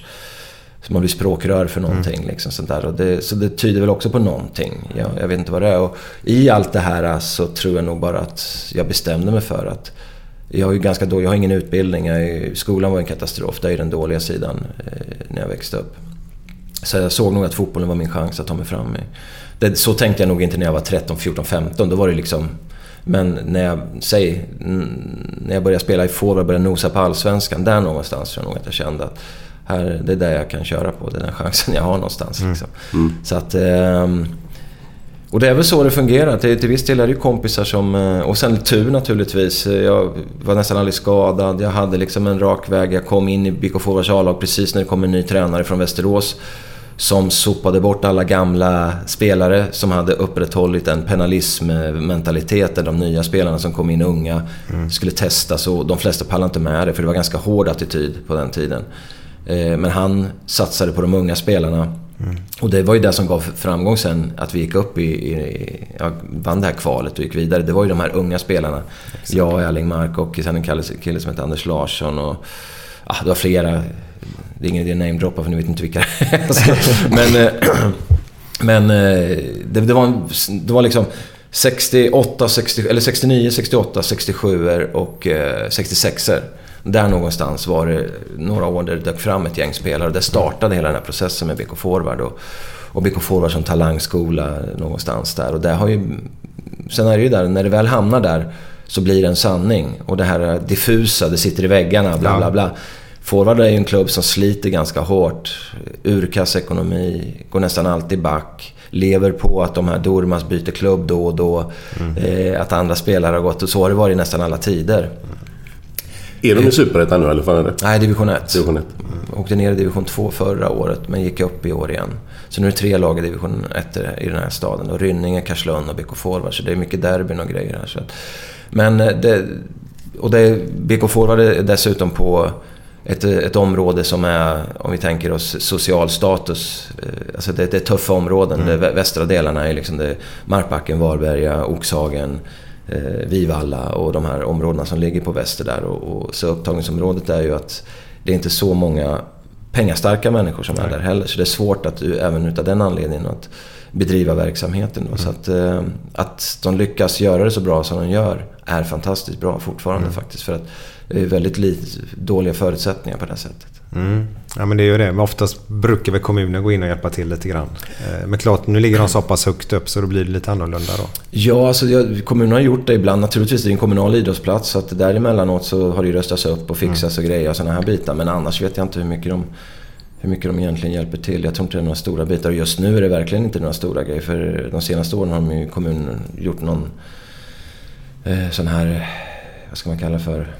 Det har varit väldigt mycket debatt om vilka som får pengarna här. Ja. Och då har man gjort någon typ av system kring det här. Och då är det väldigt små pengar det handlar om. Mm. Så att klubbarna måste klara sig själva mer eller mindre på olika sätt. Men det är klart att det är ju ett klassiskt integrationsområdesklubb skulle kunna vara. Liksom att man, för jag tror att då tittar man på hur många spelare eller individer som forward har räddat genom åren tror jag det är Mm. rätt många. Ja, det jag tänkte på det Faktiskt. som dig då till exempel. Ja. Eh, Alltså det är väldigt viktigt att ha den. Sen om det är fotboll, handboll eller basket eller vad det än är. Mm. Frimärkssamling så, så är det bra att ha någon tillhörighet där man känner sig och kan andas. Och trygghet som du pratar om. Mm. Ja, då. nej men absolut. Du, fotboll, är det i släkten någonting eller? Nej. Ta väck händerna. Det där är faktiskt intressant. Det där har jag också, du vet när man har blivit äldre och börjar, jag vet inte, börjar se tillbaka på saker. Men det är lite intressant faktiskt, för det är en bra fråga. För de flesta, jag, jag upptäckte, jag skrev för DN för några år sedan och då, började jag skriva, då skrev jag om Allsvenskan. Och då var det ett gäng unga spelare som alla hade kända, ja som du då, med, har söner som eh, liksom, för detta storspelare på olika nivåer. Och jag insåg att det är jäkligt många i Allsvenskan. Det finns väldigt många. Inte alla som kanske har varit på den nivån som du Glenn med Premier League och, och landslaget så. Men allsvenska spelare är väldigt många. Och då började jag fundera kring det här arv och miljö och vad, vad, liksom, vad det är som gör att man blir duktig och sådär. Så för det, och eh, då började jag liksom rannsaka mig själv. Det visade sig att jag har ju ingen i min släkt som... eh, Det finns ingen idrott i min släkt. Det är, jag, är en, jag är ett unikum i princip. Det finns en... ursäkta. Det, det visar sig när jag börjar rota riktigt djupt att vi har någon sorts... kusin- Min mamma har en kusin som heter Willy Sträng. Som var med i Degerfors. Degerfors har ett känt lag som var bra... När kan det ha varit? Någonstans 60-tal. Där han var vänsterback. Eh, och eh, det, det är liksom det närmaste vi, vi kommer. Men i övrigt så, min släkt på min mammas sida är bönder ute på Närkeslätten. Eh, svetsare. eh, ja, meka med bilar. De bygger bilar, bryter ner motorer och bygger upp motorer. Eh, du vet sådär, jag kan inte slå i en spik. Alltså, jag har ju ingenting utav det överhuvudtaget. Så, så, så ser den sidan och, och min pappa var ju likadan. Han var otroligt på att hålla på och fixa och dona och greja och med sådana bitar. Men han påstod att han var bra på simning och bandy men, men jag har aldrig sett någonting. Ingen bild, inga pokaler, inga märken, inga diplom eller någonting sånt där. Så att jag tror inte att det var så bra egentligen då någonstans. Så att på den sidan när jag tittar bakåt så finns det ingen där heller. Så långt jag kan titta så finns det ingen idrottsanknytning. Så det enda jag kan säga att jag blev idrottare. Det kan, nyckeln är att mina föräldrar hade kioskverksamhet vid två idrottsplatser i stan. Den Ja. ena delen var vid Trängens IP, Fyrkantens gatukök. Så att det innebar att jag levde mitt liv, när jag väl tog steget där, så levde jag mitt liv mer eller mindre på idrotten. Jag, det var så jag lärde mig åka skridskor på allmänhetens åkning. Jag hade inga tankar på att spela hockey. Nej. Men jag spelade rinkbandy. Och eh, då såg eh, hockeyledarna att jag var väldigt bra på skridskor. När jag åkte spelade bandy där nere. Då, så då värvade de ju mig in. Så jag började spela... Jag spelade hockey ganska kort tid. Det, tror jag. Att jag blev värvad relativt sent. Och sen så slutade jag relativt tidigt där. Men, men, men jag var duktig på det liksom någonstans. Så Men- det tror jag har format mig. Ja, men vad var din slutsats där på den eh, DN? Du sa debatten. Nej, jag vet inte. Jag, jag tror inte att jag kom fram egentligen till någon ordentlig slutsats eh, faktiskt. Men känslan är väl att, eh, att eh, det är klart att har man en förälder som, som har varit bra och varit på den nivån så innebär och det är ungefär som en musiker blir ofta musiker. Man är med när man är liten. Eh, man introduceras till sporten många gånger eh, ganska tidigt. Skulle tro att man, man, eh, man tränar rätt mycket och håller på med det rätt mycket. Och håller man på med någonting tillräckligt mycket och så länge man tycker det är kul så kan man ju bli bra på det också. Och, och sen så tror jag säkert att där tvistar nog det lärde med om det är en fördel eller en nackdel när man börjar bli lite äldre. Pressen på, på de här spelarna. Att är det bra eller dåligt? Men jag tror ju att min, min teori är i alla fall att jag tror att det är mer bra än dåligt att ha kända föräldrar. För att det innebär att du kommer alltid få chansen. Visst, du döms hårdare. Men du kommer alltid få chansen. Eh, att eh, få möjligheten att om du nu är musiker eller om du är teater eller jobbar i TV. Du kan titta i TV på olika TV-kanaler. Det är ofta eh, barn Ja, ja. eller någonting till, till några som redan jobbar som dyker Ser man in på efternamnen direkt. Ja, men det är det. Det, det är liksom en sorts nätverkande inavel ibland sådär. Mm. Och, men det är klart att fotbollen är sen, ska du prestera och det är ju där då, Mm. då är det inte alla som pallar med och alla blir inte jättebra och sådär. Så, så det är ju... Men, så jag, jag tror inte att jag har något riktigt svar, men helt klart att det, tittar man på hur många det är så är det definitivt en, en, en, en, en utav många faktorer som gör att du kan bli bra idrottare. Men jag är ju å andra sidan beviset för andra att om du vill tillräckligt mycket och, och eh, sliter tillräckligt mycket och ger tillräckligt mycket så, så kan det bli bra på andra sätt också. Sen är det alla de andra sakerna. Du måste ha tur, får inte bli skadad. Du ska ha, som du sa, att någon jävel ser den på planen. Alltså, det är ju, du kan vara hur bra som Men där helst. var du inne på just det att har du då kända föräldrar som varit duktiga i det, då Mm. blir ju du sedd lite extra. Ja, absolut. Så det kan vara en fördel i det hela. Mm. Sen måste man vara duktig naturligtvis. Det är ju ingenting snack om saken. Nej, i slutändan så är det ju så. Ja. Men du, var, du är ju musikintresserad lite mer än normalt eller? Ja, alltså... Vad kom det in i bilden? Jag, jag har alltid eh, varit musikintresserad. Jag, jag ville ju egentligen hellre bli musiker. Eller hellre, jag har ju aldrig kunnat spela. Men, men eh, jag vet i skolan så jag provat att spela gitarr för att jag tyckte det var så coolt att vara rockartist. Liksom, att stå på scenen. Det var den ultimata egokicken någonstans. Sådär. Och, eh, så, så jag har- brukar alltid säga det, jag, jag har alltid velat bli en basist. När jag, när jag på 80-talet då när, när Lustans Lakejer och Duran Duran och de hade alltid de här coola frisyrerna och de här kläderna, synt, alltså hela Mm. synterans kläder där var ju magiska. Så att jag ville ju liksom se ut som dem och vara som dem Mm. och spela som dem någonstans. Sen är musikgenre, jag lyssnar ju på nästan allting då, men det var en period där jag var supersyntare liksom sådär. Mm. Men, men eh, det har hängt med hela tiden och jag... Eh, jag tycker bara att musik är jävligt roligt och det, musiken hjälper mig att komma i stämning på olika, olika saker. Det är liksom, jag, är en, jag är ganska mycket melankoliker och raka motsatsen till det. Om nu du är som du visar, det vet man ju aldrig. Men, Nej, jag är men, inte eh, direkt djup om man säger så. Så att, eh, och, och jag är väl eh, brunnsdjup emellan och tycker mina vänner ibland sådär. Så att Ja, jag, så. jag gillar vemodet och melankolin och så mycket av min musik. eh, Det är därav bland annat mitt Irlands eh, intresse kommer som vi pratade om tidigare innan vi körde igång. Eh, det har ju mycket, det började med musiken, U2, The Pogues. Eh, och sen så kom jag in på irländsk folkmusik och när jag började komma in på det så började jag upptäcka eh, texterna. Och så börjar man läsa på om den irländska historien. Och väldigt mycket handlar om vemod och du vet all fight med engelsmännen. Och det är ju lite guys över det ja. Ja, men jag säger ju det. Ja. du fattar. Där kommer nyckeln. Ja, det har det. ja, precis. Nej, men så att... eh, Eh, och sen så är det väl sådär också att eh, jag har alltid känt att jag har lite svårt för starka, som ni vet, med hierarkier och, och att någon ska vara lite mer kung än någon annan. Sådär. Och, så jag har aldrig trivs i, i sådana här innegäng och häftiga... Trots att jag har haft alla möjligheter att kunna glida in på sådana ställen så har jag alltid känt mig illa till mods där. Jag, där är jag... Jag vet inte varför. Det kan vara en blygsel, det kan vara att jag bara inte känner... Det känns ytligt helt enkelt någonstans där. Så att, mm. Och det kopplas också lite till Irland. Att i Irland, det är klart att det finns sånt där också. Men irländare, det, jag vet att det var någon känd författare tror jag som sa att irländare, det har aldrig funnits, aldrig funnits någon överklass på Irland. Nej. Så därför är irländarna liksom, de är som de är. Mm. Alltså, det finns liksom inte de här hierarkierna på det sättet. Nej. Men det gör det en sanning med modifikation för man kan gå in på, det ska vi inte göra här misstänka, men det finns ju politik med Nordirland och herrefolk som kommer in och skottar som flyttar in till England, och, eller till Irland och massa olika grejer. Så att, så, att, eh, så Irland är liksom, det har blivit ett intresse helt enkelt. Jag är väldigt intresserad av Irland, politiken och, och musiken mm. och hela den här biten. Men din fråga var ju musiken och den har hängt med hela tiden. Och, och eh, ja, du ser ju det. Jag har fortfarande kvar gamla CD-skivor som står här som jag faktiskt aldrig lirar nu med. Men de står här ändå som en påminnelse om svunna tider någonstans. Därför att jag har plats att ställa upp dem Kan du bli deppig så ibland? Så du tänker på svunna tider och det? Inte, jag blir inte deppig för... Alltså jag är nostalgiker men jag brukar skilja på det där. Jag är inte en smet... Alltså jag är inte en sån här... Som sitter och, och, och, och deppar och blir sentimental för att allting var bättre förr. Mm. Det är inte så jag utan det är bara det att jag triggas av vemod och, och nostalgi också. Men det gör att, för mig, min tjej tycker det här är helt obegripligt. För hon är en sån här soul train människa. Det är dansar hela tiden. Det ska, all musik ska vara glad, man ska dansa. Så mm. Medan jag trivs ju bäst med musik där det är precis tvärtom. Eh, och eh, jag vet, jag är inte ensam om det här. Jag vet, det finns massor som känner likadant att vemodig musik och lite så här, det, det skapar en, en, en, god känsla i mig. Alltså det mm. skapar en positiv känsla. Jag blir glad av att närma mig de här känslorna. Men visst, jag blir deppig. Jag, jag har ju en, eh, en, en personlighet som... Jag skulle inte vilja... Det, det vore verkligen och, och, de som verkligen har problem. Men, men jag går ju in i mörka perioder emellanåt. Det gör jag.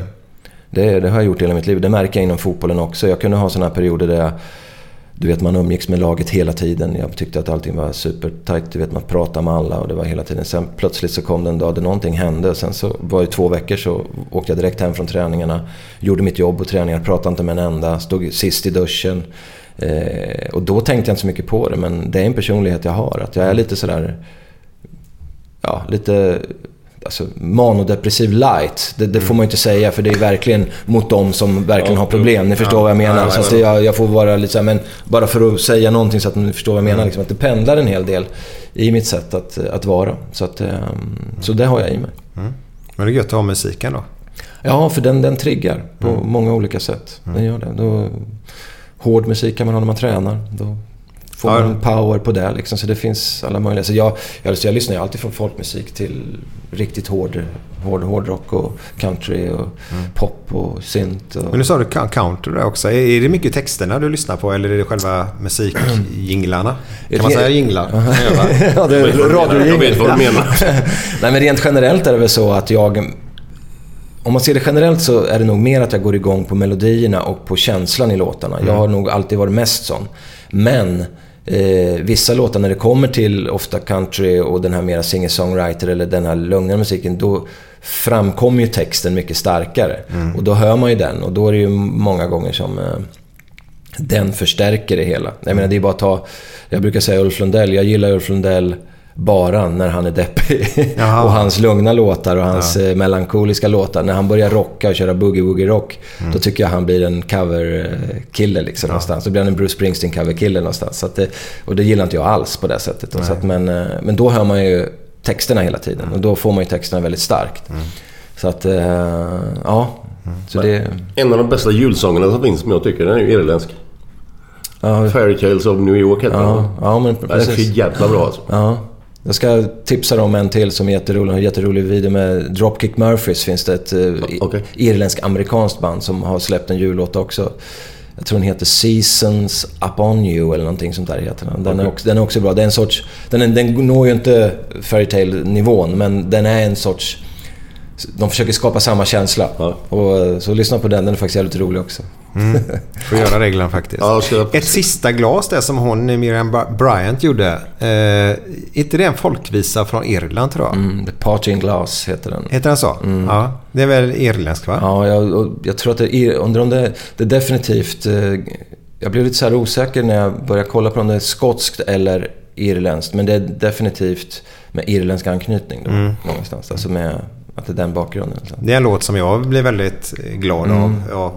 Ja, Ja, den men är bra. jätte- ja, men den är jättefin. Alltså Mm. det, och det finns så otroligt mycket fina irländska folksånger alltså det, Mm. som är grymma. Men det roliga är när man börjar grotta ner sig i sånt där så inser man ju att countryn är ju irländsk, skotsk, bland annat folkmusik som man plockar över. Så blir det bluegrass och det blir alla möjliga grejer. Ja. Så om du lyssnar på, på amerikansk rootsmusik eller eh, sådana saker så är det ofta det går in på samma typ av musik fast man har vrider det lite, det har blivit lite annorlunda men det är mycket som påminner om varandra. Så därför gillar jag ju det också. Mm. Eh, Jag tror att det är det som attraherar mig lite grann. Olycklig kärlek. Ja, jag vet att jag, jag, jag sa ju det innan att jag hade lyssnat på ett program innan ni kom hit för att liksom jag skulle få en grepp om varför jag inte Ja. lyssnat tidigare på det. Eh, och då var det ju på Kasper eh, med Arvingarna där. Och det roliga är ju att jag är ju, jag är uppväxt i ett hem där min mamma, och till visst, min pappa var Elvis-freak, men lyssnade på dansband. Min mamma lyssnade bara på dansband, så jag är uppväxt med Flamingo-kvintetten och Striplers och du också. Ja, ja. Och Stefan Borsch och... Varje dag. Ja, så att du vet... Jag hatar det där till... Eller till en början tyckte jag det var lite fräckt. Jag kommer ihåg att Flamingokvintetten hade någon skiva med rosa glittriga kostymer på som Ja. hoppar ner ifrån någon, eh, någon höjd av något Ja. slag där liksom. Sen när jag började lyssna riktigt på musik, då var ju det där skämmigt som fan. Och så blev ju då dansbandsmusik det värsta kräkmedlet jag kunde tänka mig. Liksom. Och så blev det det här som det är för väldigt många. Men sen när man börjar bli vuxen och börjar liksom lägga undan de här eh, cred-känslorna. Liksom, när man inte behöver tänka på vad cred är längre. Liksom, och, och, utan bara, bara liksom ta emot det man tycker. Då inser man ju att även dansband gränsar ju till country. Och det är bara det i sina, i sina mest sliskiga sidor så är det ju hemskt. Men, men det är ju även countryn om man börjar titta på den. Så att det där är ju liksom... Ja, så det, det är bara att... Ja, ta emot det du gillar och skit i det du inte gillar. Jag, jag tror vi körde en pit in en pinne i brasan här i, i någon av våra eh, avsnitt. det kommer här. jag ihåg. Kommer jag ihåg någonstans. Och det är riktigt såhär mans... Gå och hämta vad han nu sjunger. Ja, just det, såhär ja. manstext är det verkligen. Ja, ja, visst. Så det finns mycket härliga texter där. Eh, Men nej, men det var varje dag när man var hemma. Morsan städade, då var det extra högt vet du. Ja. För då gick det lättare att städa tydligen. Ja, ja, ja. Ja, så det är härligt. Men Pelle, eh, innan vi... Jag måste... Du gick ut till Norrköping Mm. och spelade där. Och fick ju möta ett fantastiskt bra lag två gånger per år minst i alla fall. Då. Det var ett kära IFK då som hade ju en storhetstid på denna tiden. Du är IFK också eller? Eh, ja, Mm. det är jag. Det är jag. Eh, ligger mig varmt om hjärtat Mm. kan man säga. Eh, jag har en bland mina bästa fotbollsupplevelser eh, är faktiskt en Gais-match. Okej. Eh, Jag kommer inte ihåg vilket år. Jag säger 87 för skojs skull och bara för att säga ett år då. Det är när Bosse Falk är tränare och Gais går upp i Allsvenskan. Eh, Är på då Ullevi då. Eh, Och den... Eh, nej, men det, det, var, det, var en, det var en fin upplevelse var det helt Mm. enkelt när de gick upp där. Det var, det var ja, glädje som vi pratade om förut Mm. bara. Ge- Genuint. Och Bosse Mm. Falk var inne på plan till och med i slutet där. Och folk stod med sina radioapparater på läktaren och lyssnade på radiosporten. För det var en annan match som gällde också. Jaha, är det den? När de det var flera gå- olika arenor? Var det Ja, det? ja, ja. Det var jätte sådär då. Det var bara... Ja, ja, det var vackert, fint väder, sol. Jag kommer ihåg det som igår nästan. Var det då han gjorde mål? Olle Kalming? Det går över mitt huvud ihåg? tyvärr. Nej. Nej, det gör jag faktiskt Nej, inte. Det, det, det kommer jag inte ihåg. något viktigt vet jag. Ja. Det är man gaisare som är inblandad i mycket viktigt. Är man. Väldigt sällan dock. Ja, inte nu för tiden kanske. Ja. Eh, jo, ni mötte ju Blåvitt där. Hur, hur var det i Norrköping? Hur gick snacket inför de matcherna från eran sida nu? Mm. Ja, Man kan väl säga så här att eh, det här var ju liksom i den eran som kom efter att du, eran storhetstid Ja. Med 82, 83 och det där. Så det blir precis strax efter den när nästa sväng kommer. Men jag kommer ihåg det så här att Norrköpingstiden var ju att jag gick till Norrköping 1992. Mm. Och då hade Blåvitt ett krisår. Mm. Eh, låg i botten. Frågan jag tror inte man gick till... För då, du vet det här gamla idiotiska påfundet Mästerskapsserien. Ja, exakt. Var ju då under... eh, Mm. Startade ju då någonstans där. Så jag tror att Blåvitt fick spela i nedflyttningsserien det året. Så det året är de enda gångerna som jag vunnit mot Blåvitt faktiskt. Eh, annars har jag spelat kryss och förlorat för det mesta då. Eh, men det året tror jag vi vann, om det var båda matcherna eller en av matcherna där. Så att det är det första då när det handlar om...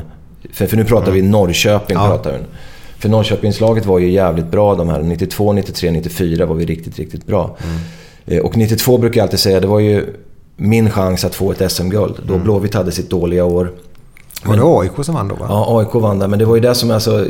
Ibland låter man ju bitter, men nu är det så länge sen så det är ju liksom ingenting jag går och grämer för. Men när man pratar om det så kan jag bli lite upprörd.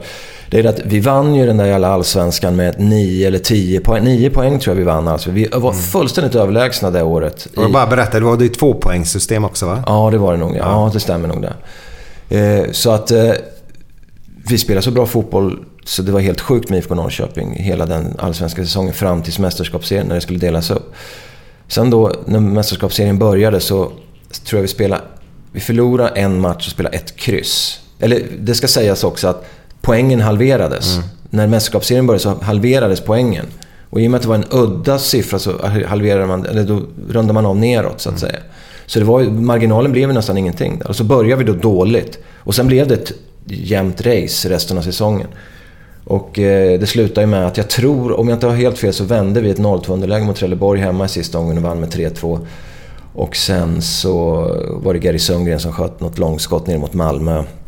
Och då gick AIK om och vann, vann det året. Och jag kommer så väl ihåg, man kollade på sporten på kvällen sen när eh, Malmö hade bollar i stolpen, den rullade på mållinjen och Bernt Ljung tror jag det var som stod då, som precis i sista stund tog den och sådär. Så att man var så jävla förbannad för att jag menar verkligen på allvar att det året var IFK Norrköping det absolut överlägset bästa fotbollslaget. Men det jag också brukar säga är att vi svajade lite mentalt. Och det är det som senare skulle bli IFK Göteborgs styrka.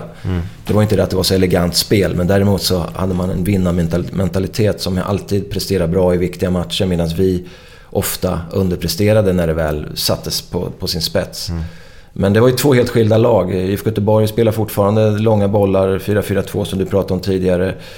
Mycket kraft, och press, understöd hela tiden. Medan vi naturligtvis också gjorde det, för nästan alla gjorde det i, i Sverige på den tiden. Men vi bröt oss ur dit, men vi hade mer passningsspel. Vi spelade väldigt ofta över mittfältet. Försökte med teknik ta oss fram. Vi hade ju fantastiska fotbollsspelare som vi nämnde tidigare med Patrik Andersson. Teknik som inte var utav denna värld liksom. Och, och eh, Kuznetsov när jag kom som också var jättebra. Och, och Marovic där som kom. Och, det var många väldigt, väldigt duktiga fotbollsspelare. Eh, så att... Eh, ja, matcherna var ju... Ja, Göteborg vann alltid i slutändan. Det var lite som... som eh, höll jag på att säga med Juventus. tyskarna fram till det här VMet då. Liksom. Det, var, det slutade alltid med att Göteborg tog det i slutändan. Men det var några år där, 92-93, då tycker jag nog att vi var rätt bra. Sen 95 så rasade ju Norrköping fullständigt. Och, eh, men jag kommer inte ihåg... 93 vann... När var Champions League där? När drog det igång? 92 tror jag.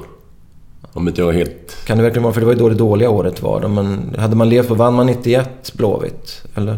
Nej, jag kan inte exakt. Nej. Men jag tror att 92 var väl Ja, nå- någonstans där i alla fall. Ja. Ja, men någonstans där så drog ju den här Blåvitts eh, dominans igång någonstans. Och det, och det var ett starkt lag någonstans. Men, men det var ju liksom någonstans att också att eh, Göteborg var ju då lite som Malmö blir beskyllda för nu för tiden. Att det är liksom, det var makten i svensk fotboll. Så att det är mycket därför, många säger liksom eh, att eh, jag spelar i Gais och då gillar man inte IFK Göteborg och de här bitarna och sådär. Men det är, för mig är det ju, IFK Göteborg var ju makten under min, min, min period i, när jag spelade fotboll i Allsvenskan så var IFK Göteborg makten. Man dominerade Svenska fotbollsförbundet med de starka ledarna. Man bestämde allting som skulle ske i svensk fotboll. Så för mig var ju, det var ju snarare en, en sorts... Eh, vad ska vi säga, avog inställning till makten snarare än klubbbaserat vid den tidpunkten någonstans där egentligen. Så att jag, jag hade ju svårt för IFK Göteborg, det är bara att konstatera. Men just mycket beroende på att det var en arrogans och en maktfullkomlighet tyckte jag vid den tidpunkten. Då. Sen om... Jag det- måste ha mött dig och spelat. Eller vet du om om du har mött mig någon? För, jag, för Gais kom jag till 92. Ja. Och då åkte vi ur första året jag kom dit. Ja, men då, om, vi, ja, men Men- om du spelar 92 så kan vi ha spelat 92 då. För jag vet... Vi, vi möttes ju, ja precis. För vi, vi gjorde ju en otroligt bra match mot Gais. Jag tror vi vann med 3 eller 4. Niklas Karlström spelade du ihop med. Ja, han var ju med i Gais. Ja, precis. Ja, yes. För jag vet att vi, vi hade en match mot Gais då du, du vet när allting bara fungerar. Sören stod mot Järlöv. Ja. Så att eh, det var... Alltså då har vi nog mötts Ja, eh, ja. vid det här tillfället. Annars är det bara den här korta i, Ja. i landslaget där, där vi tränade ihop lite grann. Där, så. Men ditt härliga tal. Ja, men mitt härliga tal, ja, Ja. precis. Som vi inte kom fram till vad jag sa. Nej, men jag, nej, vet- inte jag det minsta. Ja, men jag, jag, jag, jag, jag vet att avslutningen var väl, det var väl, verkligen ingenting man skulle kunna säga nu för tiden. Men då sa jag någonting att jag hade väl planerat att ligga i soffan och titta på matchen med, med en Coca-Cola och grillchips. Tror jag att jag... Så det, Det hade varit mer normalt. Ja. med proteindrinkar idag hade man fått sagt idag. Då, så något sånt där. Ja. 92 vet jag inte hur det gick, men eh, Blå blev svenska mästare då 90, 91, 93, 94, Ja, just 95, det. 96 då Just blev de. Eh, Norrköping blev de 89. eller? 89 svenska mästare. Ja. Tvåa, 90, 91, 92. 93 med tror jag. 94 kom vi trea. Mm. Och sen 95 så eh, då fick vi kvala mot Gais faktiskt. För att klara oss kvar i Allsvenskan. Okej. ja. Och då kom de nerifrån då eller? Ja, precis. Det var ungefär samma sväng som jag senare fick vara med om. Man kom upp med ett Ja, lag som det. egentligen inte var så bra. Mm. Men som var nära. Vi, vi i Norrköping var otroligt dåliga det året. Jag tror inte vi vann en match på hela hösten och sen mötte vi ett dåligt Gais. Så det var ju våran räddning. Så vi vann... Spelade kryss borta i första matchen, så vann vi med 1-0 hemma. Mhm. Vi hade ju otroligt svårt att göra mål. Vi var ju Mm. skitdåliga. Vi hade inget självförtroende överhuvudtaget, men lyckades ändå vinna. Men det jag kommer ihåg av matchen mot Norrköping är att det alltid är jävligt roliga matcher. Ofta mycket mål. Mm. Det är två, eller i alla fall då var det det i alla fall. Nej men Norrköping har ju, alltså Norrköping skapar ju, i Norrköping finns det ju med O.B. Eriksson och hela den här och de gamla spelarna att där ska man spela boll. Du kommer inte undan med att, eh, det var ju, det är en standard, det är en klassiker alltså att vann vi med 4-0 så sa ju O.B. efteråt i tidningen att vi borde ha vunnit med 6-0. Ja, ja. Vann vi med 6-0 skulle vi ha vunnit med 10-0 liksom. Så det var aldrig riktigt bra utan eh, det skulle vinnas med, med stil i Norrköping. Och det, så var det. Det är lirarnas lag liksom, skulle det vara. Och jag antar att det var så långt tillbaka som inte jag har någon riktig koll på. Men, men du då som har mött dem och jag tror därför det blev bra matcher. Det blev en dynamik Ja, i det här liksom. Att man spelar inte exakt likadant utan man spelar lite olika och så Mm. blev det... Och sen var det Kent Karlsson när han var tränare. Han hade ju... Han var ju någon sorts, vad ska vi säga, han låg väl lite före när det handlade om pass, passningsorienterad fotboll. Han gill- gillade att, eh, det var väl då, han var tränare 89 när Norrköping vann tror jag. Att det skulle rullas efter backen liksom någonstans där. Så att, eh, och det var ju någonting som när jag kom till Norrköping som passade mig som hand i handsken. Jag tyckte det var underbart för BK Forward-åren. Vi, var ju, vi kallades för lirarnas lag. Vi, vi rullade och rullade och rullade. Vi hade ett helt suveränt lag på den nivån. Eh, som var skitkul att spela i liksom. Och sen kom jag till ÖSK och vi spelar ju verkligen 4-4-2. Det var mycket långa bollar och enkel fotboll. Men då hade jag ju liksom inga... Jag visste inte hur det var i andra klubbar så det var ingenting jag gnällde över till en början då. Men sen tyckte inte jag det var så kul. Nej. Nej, så inne i mittfältare så är det inte så kul. Nej, om man gillar att gå upp och vinna andra bollar hela tiden så, så blir det inte så. Men om man gillar att få känna på bollen emellanåt och, och passa lite sköna passningar, då blir det inget roligt. Det, det blir det ju inte. Vilken spelare eh, har haft mest kamper, om man så säger, som har varit, eh, ja, synd att säga hatobjekt, men du förstår Mm. vad jag menar. Du har fightats med och verkligen... Jag tror inte jag har haft någon sån riktigt. Men jag vet ju att många andra vill ju måla upp... Alltså det är lite liknande spelare då. Jag vet inte, Micke Borgqvist var en kille i AIK som spelade som var en ganska tuff spelare på den tiden. Christer Nordin som senare blev en tuffare spelare. Mm. Han var ju inte det från början menar jag. Eh, Håkan Mild var ju till viss del också då, men inte sådär jättemycket. Jag var utomlands några år där. Jag menar, jag var ju borta tre år var jag Mm. liksom. Ett år i Kina och två år i, i Norge, Viking Stavanger och spela. Så den tappar man lite. Så jag tror inte att jag har haft någon sån här riktiga... Thomas Lundmark var i några dueller också. Så, men det har, det, jag tror inte det var någon sån här äck som man kan måla upp att de två när de möts, då jävlar liksom. Nej. Det, det, det tror jag inte. Hade du någon sån Glenn? Nej. Inte England heller? Nej, inte, nej. Kan jag inte påstå. Wimbledon hade ju Winnie Jones. Det var mycket dueller med honom men... Mm. Nej, men han var ju rätt så... Var han så långt upp i plan sen? Han hade fasta situationer. Ja, då ja. ja. Kan inte du berätta? Hade du och han en fight någon gång? Jo. Kan du inte berätta? Men det var ju första matchen vi skulle möta Wimbledon på Anfield. Så Steve McMahon, våran mittfältare. Inte McMahon, men Steve McMahon. Mm. Eh, Jag sa till och med att nu får du, nu var beredd på att du kommer att få en armbåge i nacken, ett knä i ryggen eller något nu, för nu ska han välkomna dig till engelska ligan. Så du kommer ha han på dig. Man gör ingenting tillbaka han, utan bara ta det och så ger du igen nästa, nästa duell. Ja. Första duellen som kom, man fick ut knä i ryggen och var på att dö. Och ställde mig upp liksom och skulle... Din jävel liksom. Nej, jag ska fan inte säga något. Och så väntade jag. Så gick det en fem minuter eller tio minuter något. Samma sak igen. Fast då fick ju han en i nacken. Så, så här. Då ställde han sig upp med den här värsta jävla blicken Winnie Jones kan ha ungefär. Han ser ut som en jävla mm, seriemördare för fan. Så ställde han sig upp. Sträcker fram armen, armen så här bara så här. We're even. Sen var det ingen mer. Sen var det lugnt.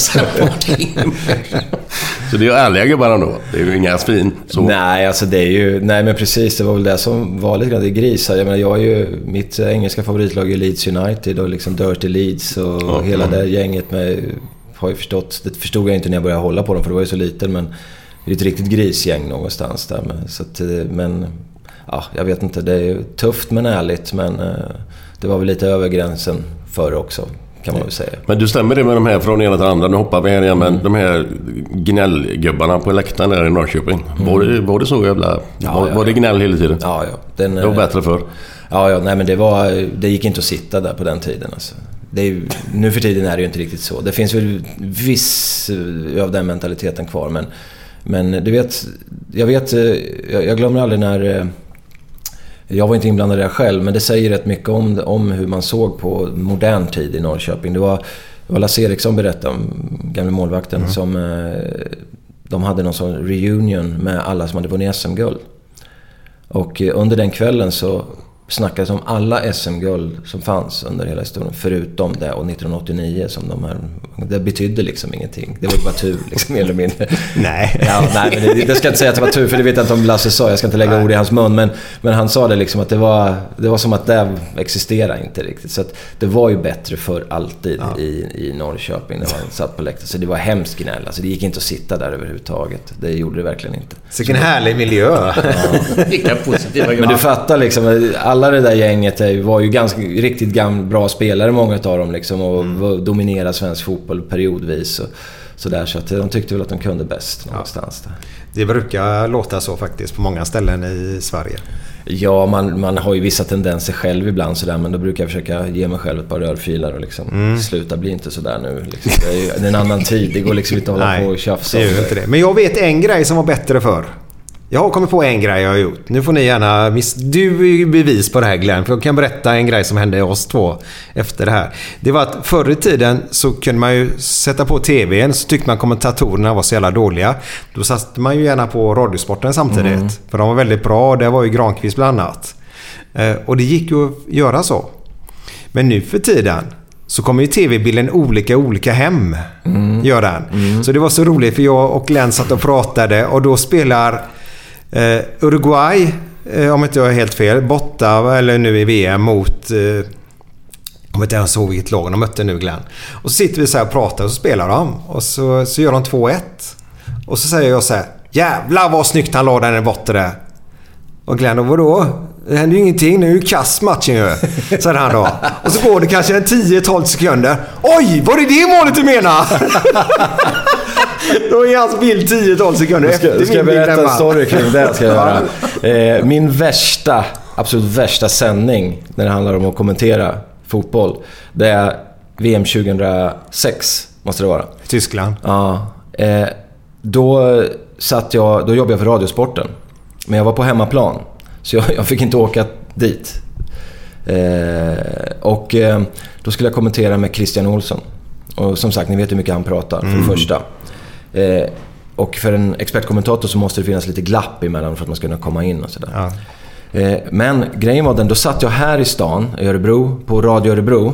För att jag inte skulle behöva åka upp till Stockholm varje gång. Och han satt på plats på arenan. Mhm. Och just den här fördröjningen, vad jag hörde i luren och vad jag såg på bilden. Så det innebar att när saker och ting hände, då hade det inte hänt på min TV. Så jag, när han skrek över någonting som, som jag skulle då försöka kommentera kring, var jag tvungen att avvakta tills det där dök upp. Och sen skulle jag kunna säga, men problemet var ju att när jag då skulle börja prata, då hade han redan börjat prata för det var ju nästa situation där. Så och då var det också sådär med mål liksom. Jag hade ingen aning. Du vet, jag fick, och jag satt där, det rann svett om mig. Det fanns ingen att prata med. För jag satt ju ensam, helt ensam på Radio Örebro här liksom. Och han bara pratade, pratade, pratade, pratade. Det var gula skor och det var tofsar. Ja, ja. Du vet hur han håller på och beskriver allting. Och du vet, det var ju helt, det var ju bara att koppla bort mig egentligen. Men jag gjorde så gott jag kunde. Men fy fan vilken panik jag hade. Och jag vet inte om han var medveten om att det var så pass stor skillnad. Men det var många sekunder alltså. Ja, ja, det blir ju hemskt. Ja. Jag ska berätta en annan grej då. Det var ju att när Sverige möter Mexiko här nu. Så, så när Sverige spelar, jag kan bli lite så äckligt. Ja, det- jag tycker det är jobbigt alltså. Lite, eh, ja, jag mår allmänt dåligt sådär. Eh, Och jag vet, sitter jag och tittar och sitter kolla själv hemma och det hade jag inte lust att göra. Så, så jag tar mina barn och så går jag på Liseberg. För de sänder ju matchen där också. Ja. Och så SVT Play i telefonen också då. Så tänkte jag så här, för då kan jag... Jag tror att det går bättre för Sverige om jag gör så. Så jag går där inne på Liseberg och så får ju Sverige straffen. Och då sitter vi, vi ska åka jag och Maja den här som går upp, snurrar och stannar uppe och håller på. Första gången i mitt liv. då. Men så, då har jag den på SVT Play. Eh, så, eller om det är TV4 Play, kommer inte ihåg. Det var någon av dem i alla fall då. Så jag och de som står och jobbar och folk i kön står och tittar på min. Plus att det sitter ju förlängt folk 100 meter bort och kollar på en storbildsskärm då. och då sitter vi där och tittar på den. Kom igen nu Granen, sätt den då. Och så hör vi bara precis han har inte ens lagt upp bollen på straffpunkten. Hör vi bara ett rungande ja över hela Liseberg. Och vi bara... Ja, undrar om han sätter den. Då ligger den jävla play-kanalen också då en 15 sekunder efter alltså. Vad besviken jag Ja, blev. Men det var ju skönt att se på när han satte straffen. Ja, det liksom, bara så. försvann totalt. Ja, så det, det var bättre för. Ja, det var bättre för. Ja, när vi kommer fram till det. Ja, härligt. Eh, vi har hållit på över två timmar nu Ja, boys. det får nog kanske avveckla. Pelle, tack så jättemycket. Ja, tack Suveränt, suveränt. Men tänk på det. Häng kvar nu efter den här låten som vi spelar för dig. Så kommer ju Glenn med såna här underbara historier. Härligt.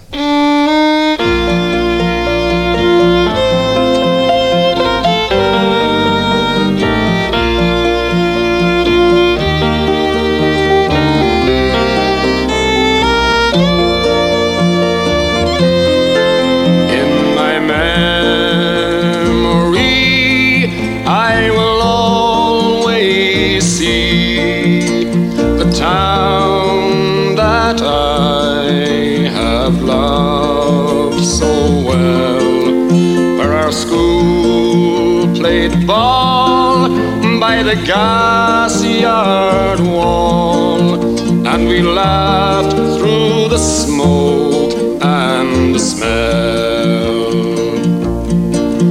Going home in the rain, running up the dark lane, past the jail and down behind the fountain.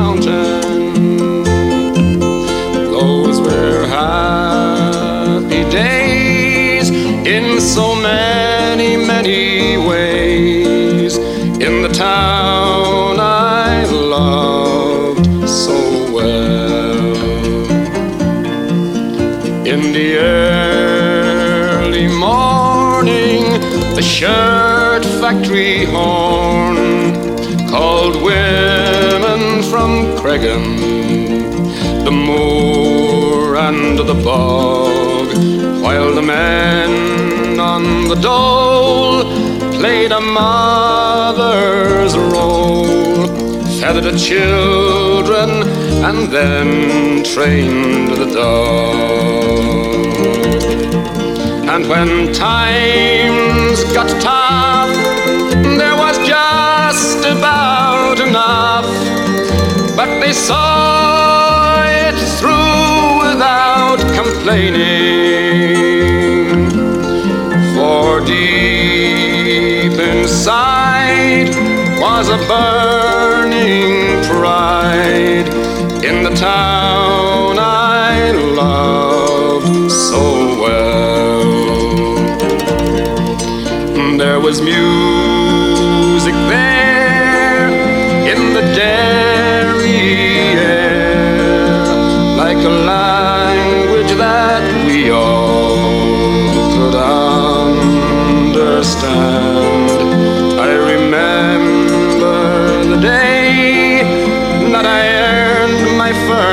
pay when I played in a small pickup band.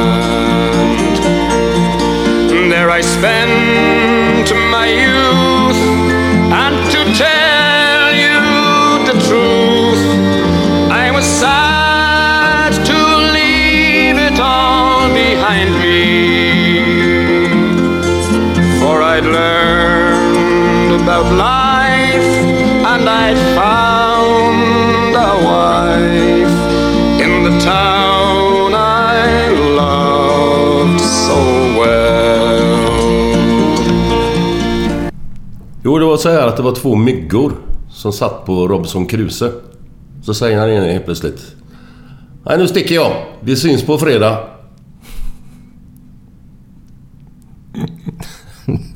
Ja, den är bra. Den är bra. Alltså, behöver inte förklara eller? Nej, nej, jag Nej, nej. Jag fattar. Ta det lugnt. Men ja, vi var ju tvungna att förklara den. Ja, Du jag kör kommer den inte en annan gång. Och då förklarar du den till slut. Ja, ja. Men en, en till sagt innan vi lägger ner det här. Det var eh, en, en norsk och en dansk och en svensk som blev tillfångatagen av eh, kannibaler och ja, infödingar kannibaler. Och så säger de till honom nu. Vi kommer att göra kanoter av er nu. Vad, hur vill ni dö? Vi ska göra kanoter. Jag tar en pistol, säger svensken. Ja visst. Sköt sig. Ja, en kniv, sa eh, dansken. Skar han halsen av sig. Och så frågar de eh, norrman. Vad vill du ha för något då? En gaffel tack. En gaffel? Ja, mig ska ni inte göra några jävla kanoter då! Dåligt. Dåligt. Det är otroligt dåligt. Tror du att de hörde vad du sa nu Jag eller? slog mig på bröstet då. Ja, det tänkte jag inte ens på. Ja, det är inget, vi filmar ju inte. Ja, är du nöjd så Glenn? Ja, det får... Ja, det får räcka. jag. Ja, tack för idag. Hej då, hej då, hej då, hej då. Hej, Planning for your next trip? Elevate your travel style with Quince. Quince has all the jet setting essentials you'll want for your next getaway, like European linen, premium luggage options, buttery soft Italian leather bags, and so much more. And it's all priced at 50 to 80% less than similar brands. Plus, Quince only works with factories that use safe and ethical manufacturing practices. Pack your bags with high-quality essentials you'll be wearing for vacations to come with Quince. Go to quince.com slash trip for free shipping and 365-day returns. Hold up. What was that? Boring. No flavor. That was as bad as those leftovers you ate all week. Kiki Palmer here, and it's time to say hello to something fresh and guilt-free. Hello Fresh. Jazz up dinner with pecan-crusted chicken or garlic butter shrimp scampi. Now that's music to my mouth. Hello Fresh. Let's get this dinner party started. Discover all the delicious possibilities at hellofresh.com. Even when we're on a budget, we still deserve nice things. Quince is a place to scoop up stunning high-end goods for 50 to 80% less than similar brands. They have buttery soft cashmere sweaters starting at $50, luxurious Italian leather bags, and so much more. Plus, Quince only works with factories that use safe, ethical, and responsible manufacturing. Get the high-end goods you'll love without the high price tag with Quince. Go to quince.com slash style for free shipping and 365-day returns.